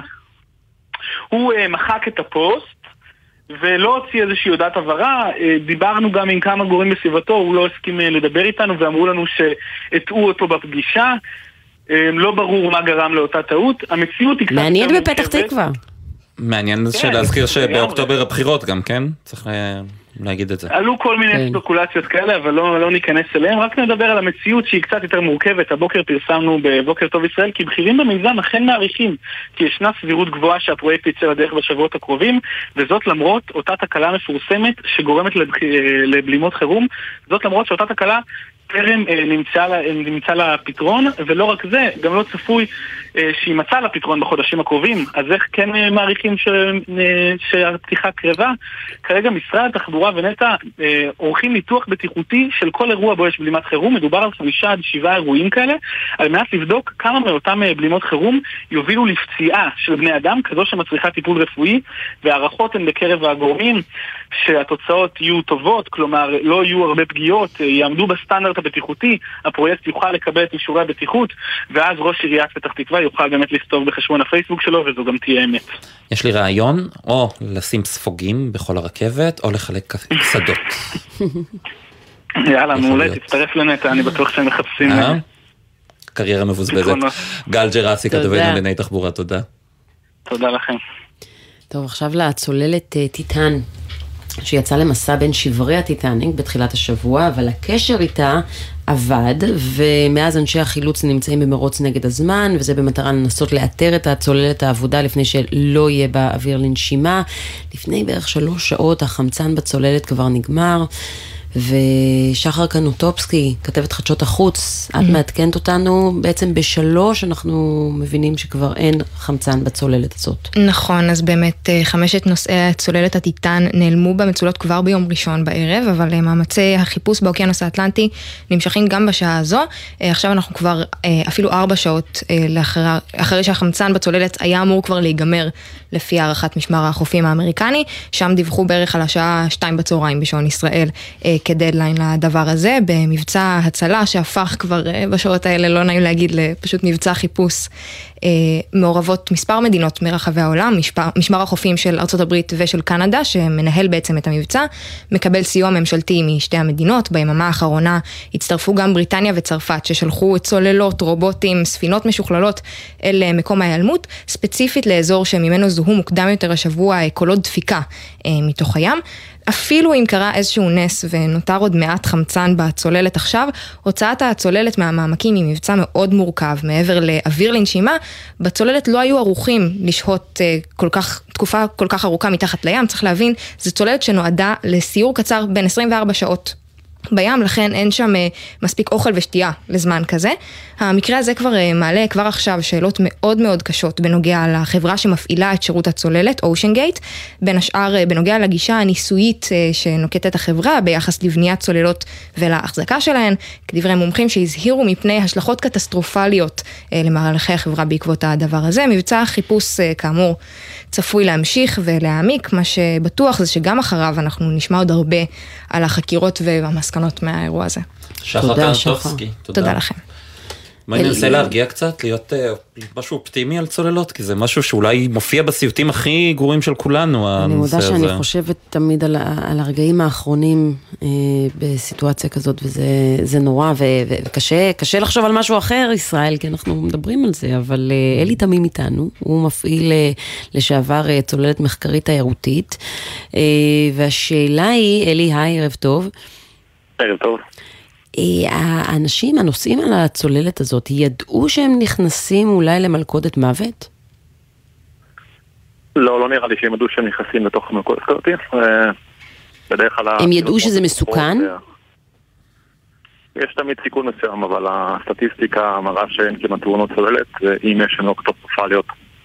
הן אה, תאונות קטנות שקורות בדרך כלל בשלב של הכניסה למים, או ביציאה מהמים בעצם, אה, שהסירה מורידה את הצוללת למים. אבל זה- לרוב זה לא קורה, זה נדיר מאוד, זה קטסטרופלי ממש ממש נדיר.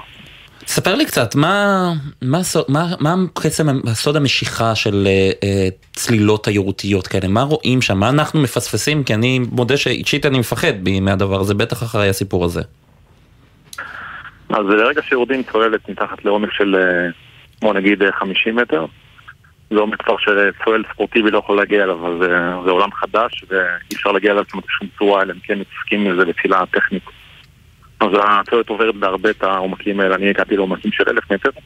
וואו. זה עולם חדש עם חיות שנראות מאוד מאוד שונה ונופים שונים והכל פשוט משתנה ומתהפך ממה שרגילים לראות ב...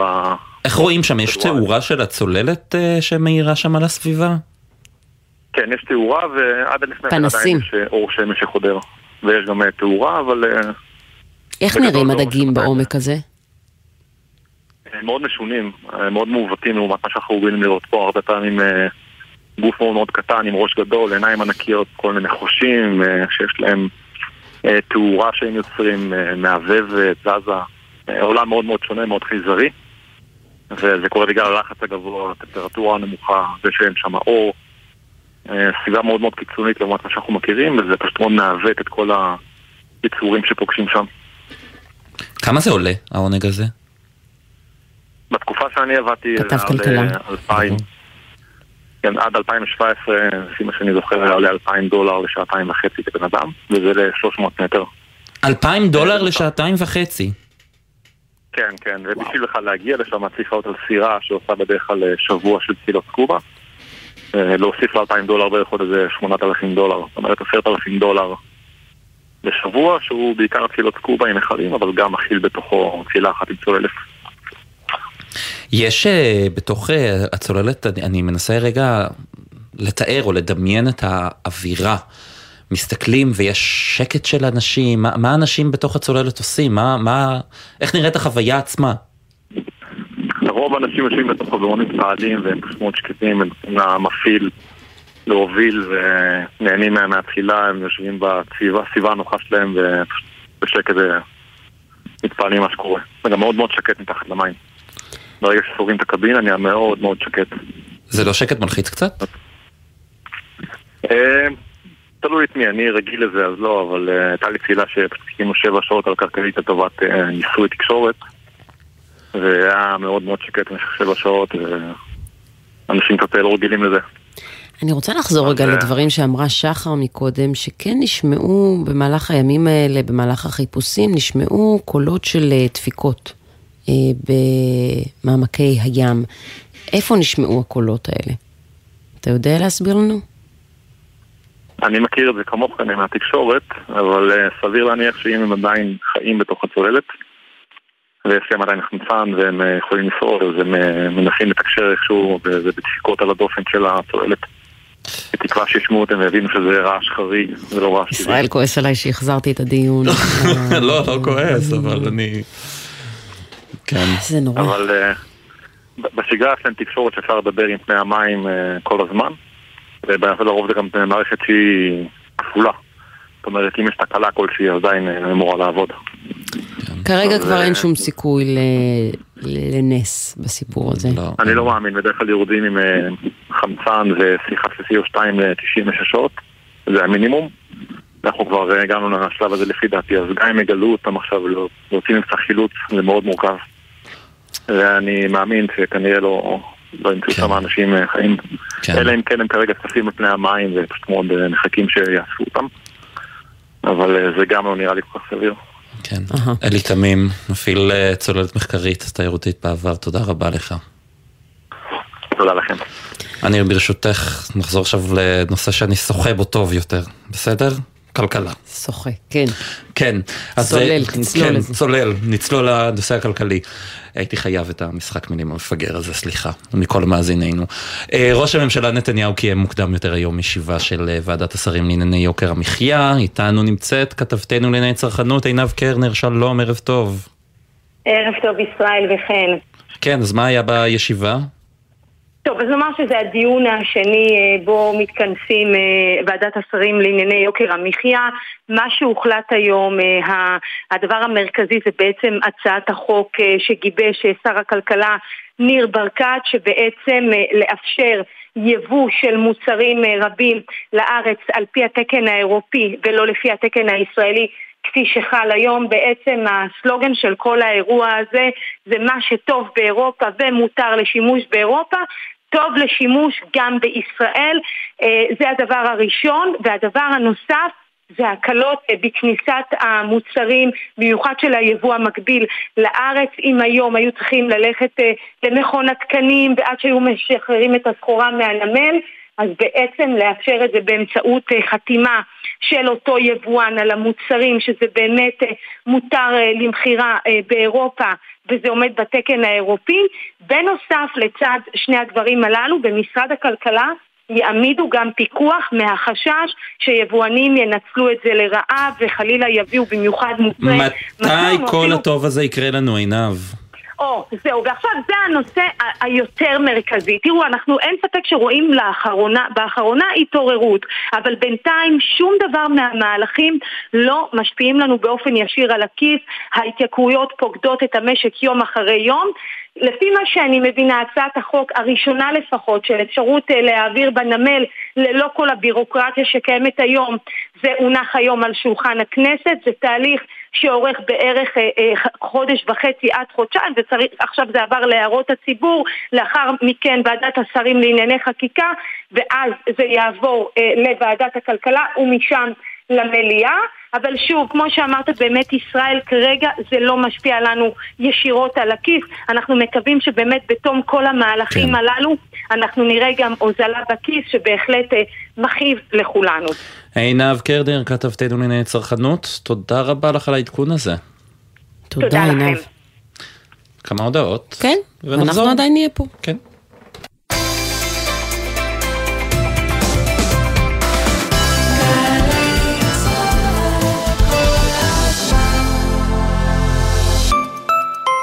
עמיתי המועדון חבר, זו שוב אני, אדווה פישר, מנכ"לית המועדון. אני מזכירה שאלה הימים האחרונים של יריד חבר החדש. חגיגת קניות בשישה מקניוני עזריאלי מצפון הארץ ועד דרומה. וגם כרטיס מתנה למימוש במגוון רשתות. נשמח לראותכם עד 25 ביוני. פרטים באתר מועדון חבר. זה הכל בשבילך, חבר.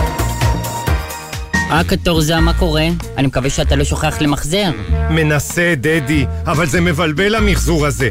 מה הולך לאיזה פח? נניח שם פושקדים. זה טואלטיקה? זה, זה פיצוחים? בן אדם היום בשביל לזרוק לפח צריך חמש יחידות פחחות. קטורזה, על האריזות שהולכות לפח הכתום יש סימון מיוחד. חפשו את סמלי המחזור על האריזות ותדעו בדיוק מה הולך לאיזה פח. תמחזרו, זה מה שעושים היום. תמיר, חברה לתועלת הציבור. חדש במכללת עזריאלי, תואר ראשון בהנדסה אזרחית. אתם מוזמנים להצטרף לחממה למהנדסי העתיד ולמהנדסות העתיד, ותוכלו לצאת עם תואר שאפשר לבנות עליו. עזריאלי, מכללה אקדמית להנדסה, ירושלים. לפרטים כוכבי 9087 סגרו לעצמכם חופשה קצרה בירושלים. ירושלים, הכי חופשה, ליומיים שלושה. לפרטים iTravelJerusalem.com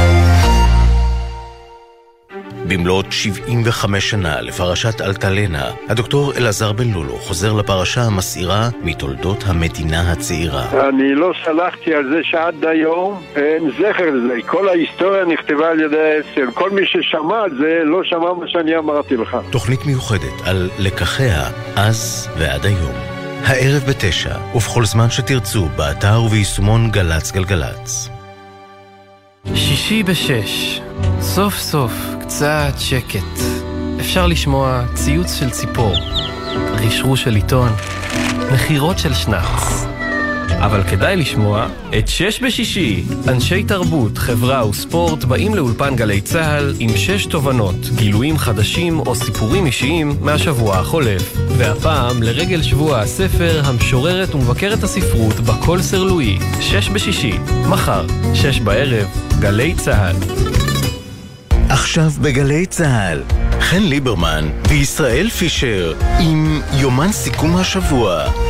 שלום, חזרנו אליכם עם אה, סיפור אה, שאותי אה, גם מטריד באופן אישי. או, כן, הבינה המלאכותית, ובאופן אישי זה מטריד אותך כי אתה עיתונאי.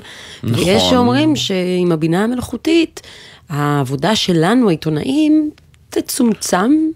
נכון, הנה דוגמה, העיתון הגרמני בילד, שהוא כן. מבית אה, הוצאה לאור אקסל שפרינגר, הודיע שהוא מעסיק, לא יודע איך לקרוא לזה, תוכנות אה, בינה מלאכותית או כן. בוטים, או לא, לא יודע מה זה בדיוק, שיחליפו את, אה, תח- את תפקיד העורכים המשכתבים בעיתון, הרי בעיתון המודפס או באתרי אינטרנט יש אה, אדם שהתפקיד שלו לעבור על הטקסט, לסדר אותו מחדש, יהיה בהיר וקריא יותר, לתקן שגיאות של הכותב הרבה אז פעמים. אבשלום קור צריך להיות מודאג אם כבר. או-אה. כן. אה, כן, לא חשבתי דוקטור רועי על זה. צזן, החוקר במרכז בלווטניק באוניברסיטת תל אביב, ועתידן בחברת ספארק ביונד לבינה מלאכותית. שלום. אהלן. אתה לא מפחד שלום. אה, מבינה מלאכותית, אתה בעד בינה מלאכותית, אבל תסביר לנו, אה, משכתבים של בינה מלאכותית בעיתון, יכולים באמת לעשות את העבודה? לא יהיו המון טעויות, טעויות אה, דקדוק בגלל זה? אני גם מתרגש וגם מפחד. אה, אתה רואה, אני. רואה את האוטו-קורקט עובד, לא לא תמיד אה, כן, מדייק. כולנו ב- באוטו הזה ש- שזז במהירות על הכביש ולא בטוחים עדיין באיזה נתיב אנחנו נמצאים. אבל אה, לשאלתך, האם בינה מלאכותית יכולה לשכתב כבר היום, למשל מאמרים בעיתון ואפילו לעשות עבודה טובה? חד משמעית כן. האם היא תעשה טעויות? בוודאי, אבל גם בני אדם יעשו טעויות. אה, לטעויות מסוגים קצת שונים. מה שכן, אני אגיד ככה, השאלה... רק שבני אדם עולים פחות כסף. כן, ועולים הרבה הרבה פחות כסף. אבל תראו, השאלה, שואלים אותי את השאלה הזאת כבר עשר שנים בערך, מה קורה? כל, כל שנה יש בינה מלאכותית אחרת ואומרים לי, אבל רועי, היא עדיין לא יכולה לעשות XYZ. ואני אומר, נכון. אבל מה המסלול? לאן אנחנו מתקדמים? ומה שאנחנו רואים, במיוחד בשלוש שנים האחרונות, זה שהבינה המלאכותית מתקדמת בצ- בצעדי ענק, ואומרים היום שהיא עדיין לא יכולה לבדוק את המידע ולבדוק אם לא היו טעויות. חבר'ה, לפני חודש השתחררה גרסה חדשה נקראת GPT-4 שעם בראוזינג שמתחברת לרשת ועושה את העבודה גם של עיתונאי חוקר. בסדר? אז היא יכולה לבדוק גם טעויות ולראות אם צודקים או לא. אבל כל הקטע שפעם אמרו שה creative class, סליחה, ה creative class, אותם אנשים שהם יוצרים והם אה, הם מציירים ופסלים ואמנים, גם עיתונאים אולי מבחינה מסוימת, הם לא צריכים לדאוג בעצם מאותו, נכון. אותה התקדמות טכנולוגית, ואנחנו רואים שהיום הבינה המלאכותית עושה גם את הדברים האלה. זה נכון, זה נכון חלקית. קודם כל, פעם אמרו, גם אני אה, ככה לקיתי ושגיתי בזה כשכתבתי על בינה מלאכותית לפני 10 ו-11 שנים. אה, בשלוש שנים האחרונות כבר הבינו שהבינה המלאכותית מאיימת יותר, בטווח הקצר לפחות, אה, על אה, מקצועות הצווארון הלבן, על האנשים שיש להם דווקא תואר ראשון אה, ושני. ושכן, היא יכולה למלא גם את מקצועות הקריאיטיב במקרים האלו, אבל, אבל, אתם דיברתם בהתחלה על בילד ועל מה שקורה שם, ואני רוצה לצטט לרגע את מה שאמר ה... צ'יפ, הצ'יף אקזקיוטיב של... מנכ"ל העיתון, יש לעיתון גם מנכ"ל שהוא אחראי על הצד העסקי כן. שלו. תודה, כן, סליחה, אני מדבר כל הזמן באנגלית ועברית. כן. אבל מה שהוא אמר מאוד, הנה אתה רואה, בינה מלאכותית לא הייתה עושה את זה. מה שהוא אמר זה מאוד יפה. הוא אמר שכלים כמו צ'אט GPT של בינה מלאכותית יכולים להפוך את העיתונות לטובה יותר מכפי שהיא הייתה אי פעם, או להחליף אותה. והוא הוסיף ואמר ש... עיתונאים שמוציאים לאור, פאבלישרס מוציאים לאור, שיוצרים אה, את החומר המקורי הטוב ביותר, כמו עיתונאות חוקרת, כמו אה, מאמרים שרק בני אדם יכולים להפיק עם סגנון מיוחד וחדשני וייחודי, המוציאים לאור האלו והעיתונאים שהם מעסיקים יצליחו. זאת אומרת שאין מקום כבר יותר להיות לא יצירתי או, להיות, או לחזור על מה שכבר היה, רק מישהו היצירתי ביותר שהוא עושה עבודת רגליים שבינה מלאכותית עדיין לא יכולה לעשות והולך ומראיין בעצמו אנשים וצובע עליהם על הבתים אה, ומייצר למעשה סגנון חדש משלו, הוא יהיה לו עדיין מקום. השאר יראו שהעבודה שלהם נתפסת יותר ויותר על ידי בינה מלאכותית ויצטרכו או למצוא, לסגל לעצמם אה, מיומנויות חדשות כמו עבודה עם בינה מלאכותית או ללמוד מקצועות חדשים וגם זה משהו שאפשר... מדברים על כל התחום הטיפולי שהוא כן עדיין איכשהו מוגן מפני אה, אה, חדירת או תפיסת המקום של העובדים בו על ידי בינה מלאכותית. כרגיל כן ולא, אין, אין, אין, לי, אין לי תשובה אחרת בימים אלו. כי, אינטליגנציה רגשית מלאכותית זה עדיין אין. יש ו... ואוי. אינטליגנציה רגשית. מלאכותית. חד, חד לבני אדם חד בדרך כלל אין אינטליגנציה רגשית, אז ל- אז לצ'אט GPT. המכונות היום, המכונ, המכונות היום, יש אה, להן, אה, אה, יש להן מה שנקרא theory of mind, או לפחות הן יכולות להעמיד פנים יפה, שיש להן הבנה של האדם שעומד, שמדבר מולן, והן יכולות להבין בכאילו, זה הכל העמדת פנים, אבל זה עובד מספיק טוב, שהן יכולות להבין מה הוא רוצה גם אם הוא לא אומר להן, ולתת מענה גם לצרכים הרגשיים שלו. זה לא מושלם, יש לנו הרבה לאן להתקדם, אבל אנחנו רואים שבני אדם, עובדים, שצריכים רמה גבוהה של מיומנויות אה, אה, רכות, הבנת האחר וסבלנות לאחר ולהבין מה הוא רוצה וכן הלאה, הם מאוד יכולים להיעזר בבינה מלאכותית, וגם שם הבינה המלאכותית יותר ויותר אה, תתפוס למעשה את המקום של האנשים האלה שמדברים עם בני אדם, ותוכל לספק לכולנו מענה רגשי יותר, יותר מוצלח. מבחינת עיתונאים אגב ישראל, אולי זה טוב שעיתונאים יתעסקו יותר בלהביא סיפורים, כי זה משהו שבינה מלאכותית לא תוכל תוכל. לעשות, ולא רק אה, לפרסם את הידיעות שיש בכל מקום. כן. כלומר, לא רק אה, לא לקחת את ההודעה להוציא- לעיתונות אלא לחקור ולחפור ולחפש אה, מקורות ועניינים ודברים שהם אה, מקודמים, ואת זה, זה בינה מלאכותית יכולה לעשות? רגע.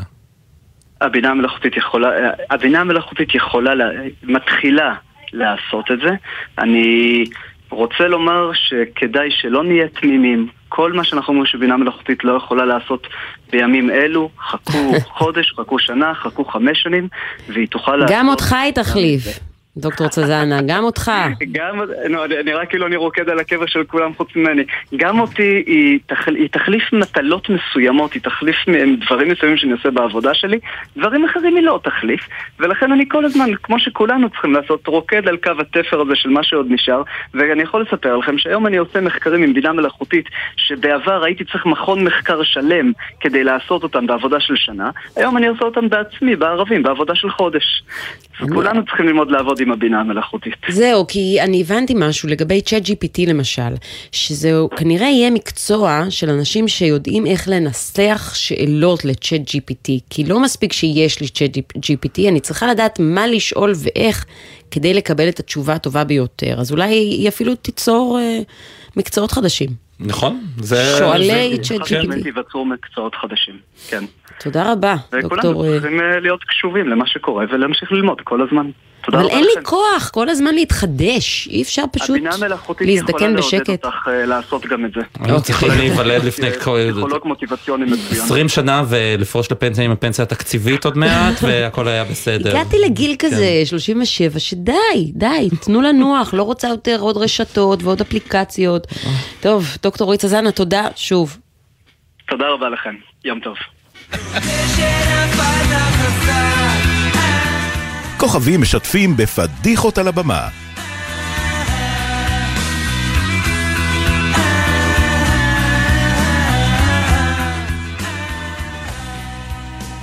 קובי אריאלי, אהלן. שלום לך. איזה פחד זה המלאכותית הזאת, אה? וואי. איזה כאב ראש זה בעיקר, אני לא לא, מפחדת, זה- כמו שפשוט כן. אין לי כוח לזה.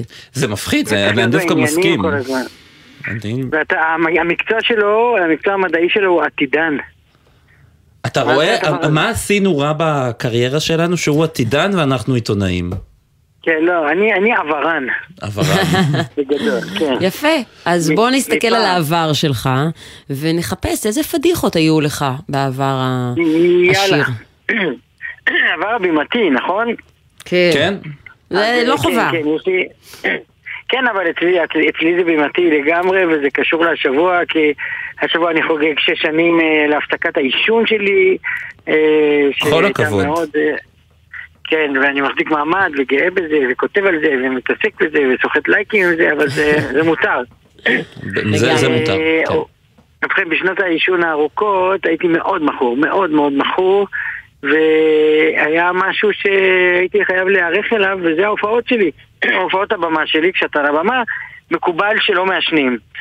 נכון שנגיד שולי רנד לא כתב לעצמו מעולם תפקיד לא בתיאטרון ולא בקולנוע שבו הגיבור לא מעשן, כדי שהוא יוכל לעשן על הבמה. אז uh, במסגרת זו הייתה לי, הייתה לי הופעה מאוד יפה שאני מתגעגע אליה עם דודו פישר. הוא שר ואני מדבר, כך הוחלט, ובצדק. Uh, ואני כתבתי את ההופעה. ובמהלך הכתיבה uh, חשבתי על עצמי, ובשלב מסוים נתתי שני, uh, שני שירים בפיו של דודו ברצף. זה שירים ביידיש, כל שיר שש דקות, משהו פלוס, נתן לי איזה בין 12-13 דקות הפסקה מלאה. דודו שאל אותי, למה שני שירים ברצף? אתה אמור להיכנס בקטע קישור? אמרתי לו, דודו, זה נכון, הוורסטיליות הזאת נכונה, סמוך עליי. וכך היה לי, הייתה לי חטיבה של 12 דקות שאני יוצא החוצה, מעשן וחוזר. וההופעה הזאת שאני מדבר עליה הייתה בנתניה, בנתניה בצידי הבמה, בהיכל התרבות, יש איזה דלת יפה שמוציאה אותך החוצה ממש, אני מתחת לשמיים. וכשהגיע תורי, רצתי החוצה, הדלקתי את הסיגריה, 12 דקות, אחרי 11 וחצי דקות, כיביתי את הסיגריה, באתי להיכנס פנימה לקטע שלי, הדלת נעולה. מה מאות עושים? אנשים בקהל, עבר איזה פועל, ראה דלת פתוחה, נעל אותה. עכשיו אני, ובעוד דקה אני צריך להיות על הבמה, עשיתי את כל הסיבוב, הקפתי את הבניין, באתי לשומר בכניסה, מתנשף, אמרתי לו, תפעיל את זה באמצע ההופעה שלי עכשיו, והוא מסתכל עליי ואומר לי, כרטיס בבקשה. בוא, אתם יודעים, אני בחור מוכר, זה כמו לא כמו בכל אמרתי, פעם שאני מגיעה לתחנה והשומרים בכניסה לא מי מזהים. נכון, כן. כל לא, פעם, גם לך הם עושים את זה? עד אם כן, אני לא משדר ביפו בדרך כלל, אה. כשאני מגיע, אה, הם, הם, הם, הם מבקשים ממני אישורים ומלווים, וזה מעליב למוות. כל פעם אני מחפשת שם את השם שלי ברשימות, ואני אומרת להם, הנה ליברמן, אבל כתוב גם ליברמן לן, לא כתוב ליברמן חן. טוב, אוקיי, אז, אה, אז אני בשנייה האחרונה מצאתי פוסטר. יש שם איזה כרזה שלה על ההופעה שלה, אמרתי לו, הנה, הנה אני, תראה, תמונה שלי, תראה, תשווה. השתכנע, בחצי הדקה האחרונה נכנסתי דרך הקהל ועליתי על הבמה, ודודו שאל אחרי זה, מה היה הקטע הזה? למה באת דרך הבמה? דרך הקהל. אמרתי לו, תאמין לי, זה נכון למופע, סמוך עליי. יאללה. יאללה, טוב, יפה. יש אני- עוד? אני רוצה לשאול אותך אבל אה, משהו אחר נכון, דווקא נכון. היום. אה, היום אה, ג' בתמוז. אה, כן, כן, אכן. כן, מה- מה מה מיוחד בתמוז, בתאריך הזה בשבילך אולי אתה תספר? יום פטירת הרבי מלובביץ' לפני 29 שנים, ומשנה לשנה יותר, יותר ויותר אנשים מתחברים לדמות הזאת ולהיקף שלה ולמהפכות שהיא חוללה ולנוכחות שלה עד היום. זה מדהים שכמעט 30 שנה הוא לא בסביבה ואתה לא יכול אה, שלא לחוש בנוכחות אז שלו. ספר לנו קצת על הרבי של מלובביץ'. המפעלים שלו. 40 שנות נשיאות חסידות חב"ד, ישב ב- בניו יורק, באיסטרן פארקו 770, 770, וניהל משם אימפריה אמיתית. הסיפור האמיתי של הרבי הוא שמדובר במנהיג שלא נח לרגע, ומה שהוא טבע מעצמו, טבע גם מחסידיו.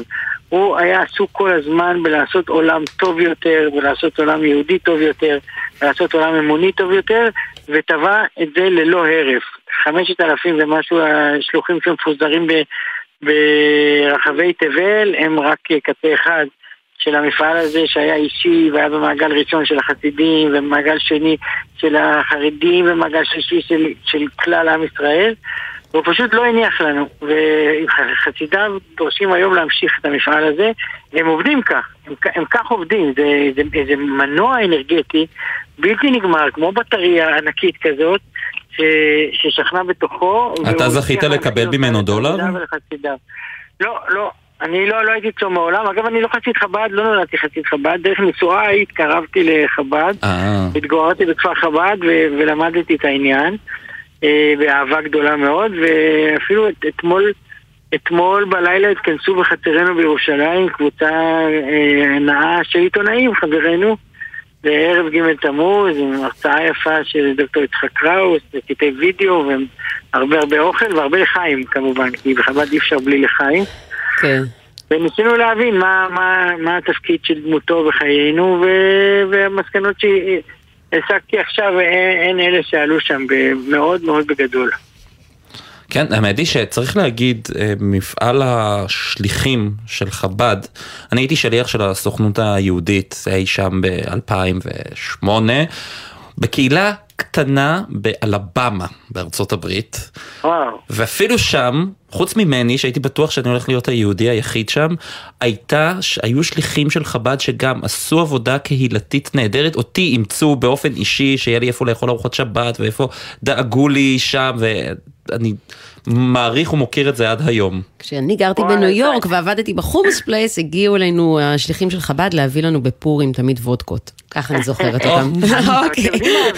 כל אחד והעדפות שלו, כן. כן, לא, אבל ההבדל ביניכם לבינם זה שאתם הייתם שם ועכשיו אתם פה. הם שם כן. forever. כן, כן. פשוט עוד באלבמה. למי יותר כיף? הם מחכים לישראל פישר הבא. טוב, קובי אריאלי, תודה רבה לך. זהו, חייבים לסיים. אה, ועוד פינה. מטבע לשון, כל שבוע ערך מוסף על מילה אחרת.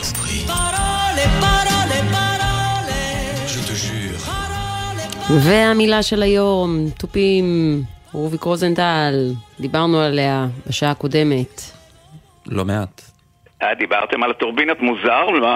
באיזה הקשר אפשר איך לדעת? נזכרתם? כן. לא יודע, משהו רוח. זה- הדבר הראשון שאמרתי, עשיתם רוח, בקיצור. הדבר הראשון שאמרתי לעורך שלנו כשראיתי שהמילה של היום היא טורבינה זה שזו מילה לועזית, למה שנדבר עליה בכלל? טוב, כאן אתם עולים על סוגיה רחבה, אני, אין לי שום בעיה עם מילים לועזיות אם אין להם חלופה עברית. אז הם חלק מהשפה, וגמרנו. את רוצה שנפסיק. לדבר על המילה דמוקרטיה? כי היא לא עברית. סתם דוגמה, דוגמה, או על המילה רפורמה. צודק. וכולי וכולי. אה, על כל פנים טורבינה היא מילה לועזית, לא רק שהיא מילה לועזית, היא אין לה חלופה עברית, לא ניסו למצוא לה, והיא מילה שאפשר לקרוא לה מילה בינלאומית, כי היא קיימת כמעט בכל שפה שאנחנו מכירים, בצורות מאוד דומות גם. גם באנגלית אה, אומרים את זה קצת אחרת, גם בצרפתית, גם באיטלקית זה ממש טורבינה, רוסית טורבינה וכדומה וכדומה, ובכולם הרעיון הוא אה, בעצם תהליך, לא ניכנס לעניין הפיזיקלי, אבל זה אה, מנוע שמונע באמצעות גלגל, מסתובב על ידי אנרגיה או של מים, או של אה, גז, או של רוח. וזהו, ועכשיו המילה, מאיפה באה המילה כמובן? בכל השפות האלה מלטינית, החשוד המיידי, אה, טורבה פירושו לערבב, לבלבל ולהצטופף, זה הרעיון, ומכאן אה, אה, באיטלקית אומרים טורבינרה זה להתערבב, וטורבינה זה פשוט סחרור, כל הרעיון של סחרור. ואגב, מה שמעניין שיש לה צורת קיצור שהיא הרבה יותר כבר קרובה לחיים של כולנו, זה הטורבו. כלומר, מנוע טורבו כבר יש לאנשים בתנור בבית, וזה קיצור בעצם של אותו רעיון, אותו מנוע, אותו רעיון, אבל כאן זה כבר מגיע למחוזות המטאפורה, ועל אדם שהוא מאוד... אדם או קבוצה שעובדים בפעילות מואצת מהירה, מה אומרים? עובד על טורבו. כן, קראתי כן. את זה, המשק, המשק האמריקאי עובד על טורבו, וצה"ל עובד על טורבו, וכולי וכולי. עכשיו, לטורבינה יש אה, היסטוריה מעניינת, כי היא הראשונה אה, הותקנה לפני אלפיים שנה באלכסנ- באלכסנדריה. וזה היה אה, גלגל המים, יש תמונות של זה, יש גלגל מים שמסתובב, אבל מסחרית זה רק מסוף המאה ה-19, בעיקר לייצור חשמל. ואיפה ייצרו חשמל? איפה הטורבינות הראשונות של ארץ ישראל המתחדשת? ניחוש? הזקן מנהריים. כן, הזקן מנהריים. כן, ועליו יש את השיר שאנחנו היינו שרים בתנועות הנוער בהתלהבות, הזקן מנהריים, הוא הקים את המפעל, לא היה שם כלום. היו רק מים, ועכשיו יש שם חשמל, נחשמל הוהה, נחשמל את כל הארץ וכדומה. אגב, מומלץ לבקר שם מאוד יפה, השאריות נגיד, את זה של תחנת הכוח ההידרואלקטרית עדיין שם. כן, כן, וזה הפך להיות אתר ככה בינינו לבין הירדנים. עכשיו תראו, יש uh, טורבינת, טורבינת המים, uh, uh, זה אנרגיית המים, יש טורבינת גז, אגב, שלא כל כך יודעים מה זה, זה בעיקר בתוך המנועים, בעיקר במטוסים, שהגז שיוצא בשריפת הדלק הוא זה שמניע בסופו של דבר. ובתחנות כוח גם, כן. ובתחנות כוח, אבל אנחנו בטורבינות הרוח. וטורבינת הרוח ראיתם? הייתם? הסתובבתם בגולן? בוודאי, זה מאוד יפה כן, בעיניי. אבל הסתובבתם, הסתובבתם בעולם, ראיתם איזה שטחים עצומים עם הדבר הגדול הזה שמסתובב, וזה דבר גם מאוד יפה, אני כמובן לא נכנס לעימות הנוכחי. כן. אני לא עד הסוף מבין אותו, יש שם גם הרבה מחאה. אתה לא היחיד. גם, גם קצת פייק ניוז, יש לי תחושה, אבל... אה, הוא כנראה יותר רחב ממה שהוא, ויש כל כך הרבה סוגים אגב של, אה, של טורבינות אה, רוח, יש טורבינות אופקיות ואנכיות, והכל לפי הצורה, ו...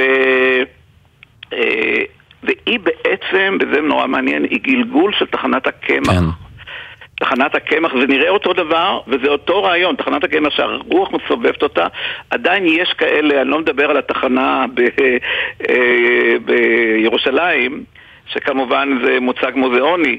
כן. יש מקומות, ב, יש מקומות ב, באירופה שאתה מסתובב מתחנה לתחנה, זה נורא נורא יפה, כמובן שכבר אף אחד לא טוחן שם קמח. רוביק, אנחנו חייבים לסיים, כי יש לנו פה עדכונים. לא, לא, הספקנו הכל, הספקנו הכל. תודה רבה, תודה רוביק. זהו, עוד מעט יצטרף אלינו דורון קדוש אה, לדווח על אה, עימותים. דורון? איתנו? כן, עוד מעט יש עימותים בין uh, פלסטינים למתנחלים, אנחנו ממתינים, הנה דורון קדוש כתבנו לענייני צבא ביטחון איתנו, שלום לך. הנה, אתה איתנו. או שלא, טוב, אנחנו כן, ממתינים לדורון קדוש שיצטרף. אנחנו ממתינים, אנחנו מתקרבים כאן uh, גם לסיום התוכנית, הנה דורון איתנו. דורון? כן, שומעים? כן, כן, שומעים. שלום לכם, כן, אז תראו, אנחנו מדברים על עימותים בין יהודים לפלסטינים בבנימין שהתפתחו במהלך השעה האחרונה בין הכפר אחיה לכפר ג'לוד. אגב, המאחז אחיה זה מאחז שממנו הגיע אחד מנרצחי הפיגוע. מה שאנחנו מבינים שקורה שם זה שעשרות יהודים ועשרות פלסטינים מיידים אבנים אלה על אלה. יש גם מספר שריפות שהוצתו במקום, כרגע כוחות כיבוי והצלה עושים את דרכם לשם במטרה לכבות את השריפות. גם כוחות של צה"ל ומג"ב נמצאים שם ומנסים לפזר את החיכוך, וכרגע אנחנו גם מדווחים על כמה פצועים ישראלים וכמה פצועים פלסטינים כתוצאה מיידוי האבנים ומירי של זיקוקים. האירוע הזה עדיין לא הסתיים וכוחות הביטחון שם ממשיכים לנסות לפזר את העימותים. תודה דורון. תודה, דורון. אה, אנחנו מתקרבים לסיום, אז יש לי כמה דברים לומר, ישראל. כן. תראה, אנחנו חיים בתקופה כזאת שבה אין שום דבר עוד שנשאר שאינו שנוי במחלוקת. גם לא עובדות. והיום, אתה יודע, מישהו יכול לטעון שבוקר זה לילה, ויהיו מי שיצטרפו אליו ויסבירו למה, זה, למה הוא צודק. ו, ואני לא חושבת שיש דעה אחת מופרכת מדי שלא יהיה מי שיתנדב לצעוק אותה היום באולפנים או ברשתות, רק כדי להיות חלק מהדיון. עכשיו, כשהמהפכה המשפטית הגיעה לחיים שלנו, על שלל הסעיפים שלה, התגבש קונצנזוס של מומחים, מבוסס עובדות, שאם החקיקה במלואה, החבילה המלאה, עוברת, אז לא יישאר שום בלם אפקטיבי על כוחו של הרוב. עכשיו, כשאני אומרת את זה, אני לא מביעה את דעתי, אני מציינת עובדה, ושלטון החוק, הפרדת רשויות, שמירה על זכויות אדם, כל אלה אלמנטים קריטיים בדמוקרטיה, גם זו לא דעה, זאת עובדה. אה, בחצי שנה האחרונה יש בכירים בקואליציה שקידמו את המהפכה המשפטית, נציגים שלהם בתקשורת שניסו לטשטש את העובדה הזאת, ואז להפוך אותה לשנויה במחלוקת, אבל היא לא. וגם אני דאגתי לציין את העובדה הזאת לא פעם במהלך השידורים כאן בגלי צה"ל, כי זה התפקיד שלי. וזאת התוכנית האחרונה שלי איתכם היום, אז אני רוצה להודות למאזינים, אה, לשותף שלי לדרך אמיר בר שלום, לך ישראל, לעורך המדהים רועי ולד, למפיקים נמרוד פפרני, עמליה זקס לוי, על הביצוע הטכני בן שני. ואורי ריב, בפיקוח הטכני גרם ג'קסון, עורך הדיגיטל מתן קסלמן, מיד אחרינו, העתיד עכשיו עם דרור גלוברמן. תודה רבה לכם. תודה רבה לכן, תודה רבה מאוד, ובהצלחה רבה. את תודה. מהממת ועושה עבודה מעולה. תודה ישראל, שיהיה ערב טוב. ערב טוב.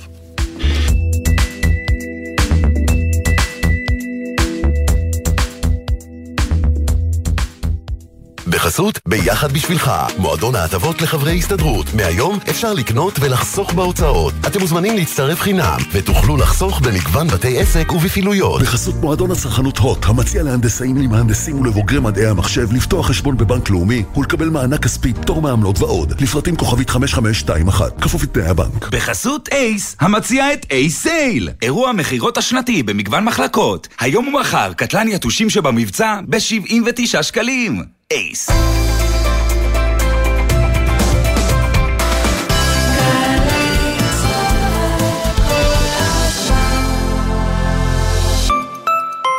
שקר וכזב, הכל שקר וכזב. פייק ניוז, דיפ פייק, דימויים מזויפים, דיסאינפורמציה, אשליות ותעתועים. הכל שקר וכזב. שבוע עיצוב ירושלים מציג עשרות תערוכות, מיצבים ואירועים של יותר מ-150 יוצרים מהארץ ומהעולם, ובודקים את האפשרות של אמת ומקור למרות שפע השקר והכזב.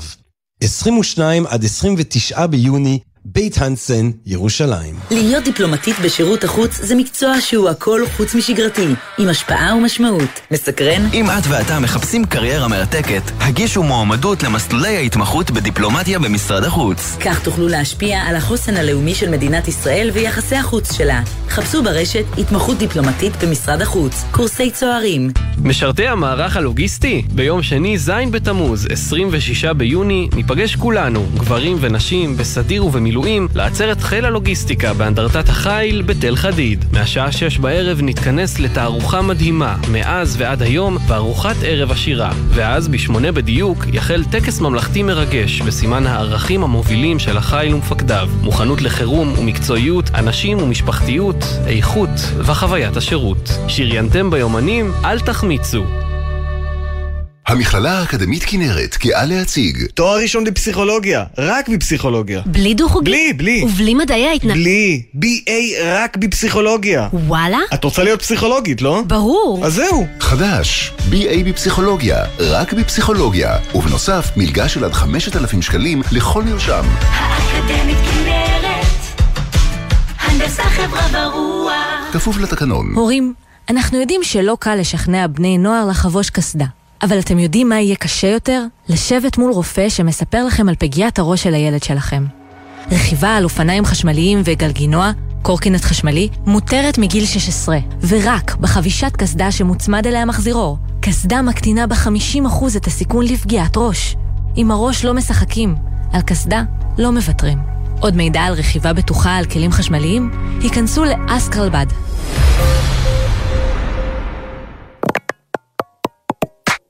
מיד אחרי החדשות